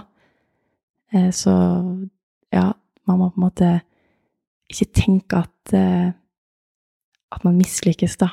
For det har jeg hørt mange føle. Og man gjør jo ikke det. Det er bare at man er veldig streng med seg sjøl. Og så forteller man seg sjøl at man har gjort det. Men man har egentlig ikke det. Nei, det er jo et, eh, et bra tips. Og så er det jo også at det, det fins andre ting der ute, da.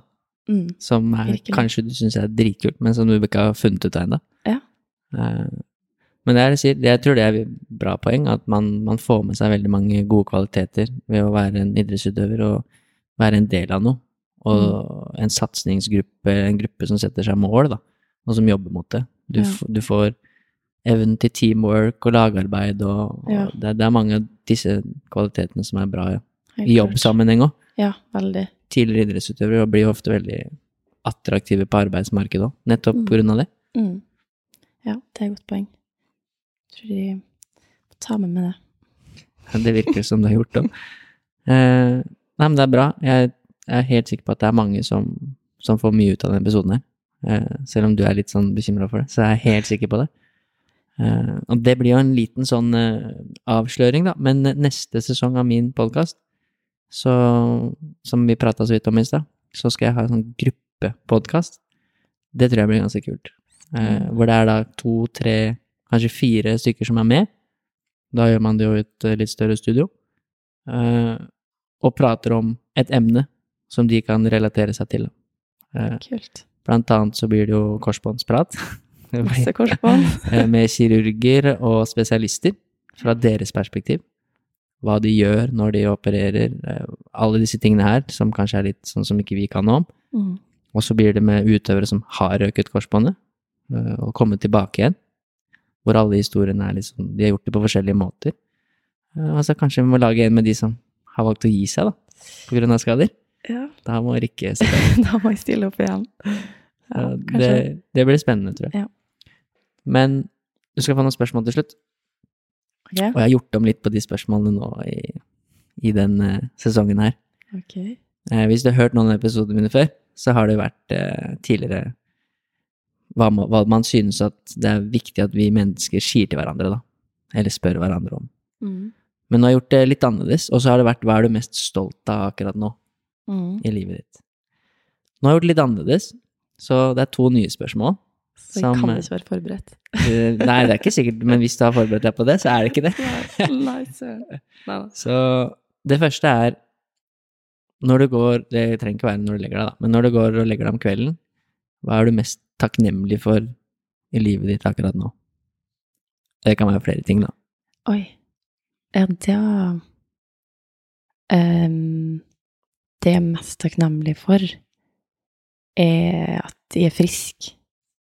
Og at uh, At jeg har en familie som er frisk, og at Det ble litt vanskelig liksom å svare på. for Det er man, litt er, poeng. og takknemlig for å uh, ja, bo i Norge, alt det der. Alt sånn som man tar for gitt, da. Det er litt store ting, det. Ja. Ja, det er ikke dumt å være takknemlig for det. Nei. Eh, Kan skjønne det med at du er frisk og, og ikke har smerter etter at du har vært gjennom. Ja. Men jeg tror det kan være et lurt spørsmål å stille seg sjøl av og til. Ja. Eh, ikke nødvendigvis når du legger deg, det kan være når du står opp eller midt Ja. på dagen. Ja. Men eh, tenk litt over det, hva man er takknemlig for. det skal jeg gjøre. Eh, men det var bra. Og det neste er eh, Det kan godt hende handler noe om det som du har vært gjennom, da. Mm. Men hva er den viktigste, eller de viktigste lærdommene du har gjort deg det siste året? Det siste året. Oi. Um, jeg tror det må være at uh, Jeg føler jeg har lært uh, masse, men det å være enda mer trygg på en måte i seg sjøl, og, og bare det å å være takknemlig på en måte for at eh, jeg, jeg føler jeg har klart å satt litt ting i perspektiv, da. Eh, at eh, ok, livet er mer enn bare håndball for meg. Eh, jeg, jeg kan få til andre ting. Eh, det, det er viktig å, å tørre å snakke om ting. Så jeg er skikkelig stolt over at eh, at det at jeg valgte å legge opp, har gjort at jeg jeg kan åpne andre muligheter, da. Der jeg, der jeg kan gi råd da, til andre som måtte gå gjennom det. Og føler at jeg kanskje har blitt bedre som person på å være litt mer sånn um, til stede andre plasser enn bare liksom i den håndballverden. At jeg har eh, Man er på en måte ikke så egoistisk lenger, da jeg kan være hjemme i jula uten at eh, den middagen skal være lagt opp etter min trening, på en måte. At jeg Ja, det ble veldig mange ting, men Det er masse som har skjedd på kort tid, da. Det er masse man kan lære, spesielt i det, vil jeg tro, eh, i den prosessen du har vært gjennom, da. Og Mm. tatt et så stort valg for deg sjøl. Mm. Å velge å slutte med noe du egentlig elsker å drive med, da. Ja. Så er det nok mange lærdommer i det. Ja. Men ja, du har fått, at du har fått perspektiv, Ja. og at du har lært at det fins andre ting også. Mm. Eh, og ja, du har turt å prate om det. Det er kjempebra. Ja. Vi lærer noe hele tiden. Ja. Spesielt når man tar sånne valg, og når man går ut av komfortsonen. ja. Ja. Du gruer deg jo litt til å spille podkast òg. Ja, det, det er ikke noe man gjør hver dag, si. Men det er jo Det føles, eh, Hvordan føles det nå? Når du er liksom, når du, nå har vi jo spilt inn i ja, over halvannen time. Det var ikke så skummelt, men jeg kjenner jo litt på det derre eh, at eh, At det er jo veldig personlig, så man blir sånn der Ja, hvorfor vil egentlig folk høre på det her? Eh, Men eh, jeg håper jo at eh, Ja, at det på en måte har eh, blitt lagt fram som at eh, det kan relateres til flere da, enn bare liksom min historie. Og at ja, jeg har ikke korsbånd tre ganger, men eh, jeg har også skjønt liksom det der med at det kan være vanskelig for bare dem som bestemmer seg for at de kanskje ikke vil gå all in, da. Og det med identitet og spørsmålet på hvem man er. Jeg kan love deg at det er mange som kommer til å få mye ut av episoden. Eh, og i likhet med det at du var veldig eh, angra rett etter at den NRK-saken kom ut, Ja. så fikk du jo ganske mange bra tilbakemeldinger etter det nå. Ja. da. Eh, Det er jeg helt sikker på at du kommer til å få nå også. Jeg kan ikke skjønne noe annet, i hvert fall. Så da er det vel egentlig bare å avslutte. Jeg vil bare si takk for at du var med, Rikke. Det var en fin samtale. Og ja, jeg gleder meg til at eh, folk skal høre på. Tusen takk. Tusen takk for at du har satt av tid til å lytte. Det setter jeg stor pris på, og jeg håper at du sitter igjen med noe verdifullt. Hvis du ønsker mer inspirasjon til trening og helse, følg meg, coach Elo, på Instagram. Der kan du også stille meg spørsmål, samt komme med tilbakemeldinger til podkasten. Du finner lenken i episodebeskrivelsen.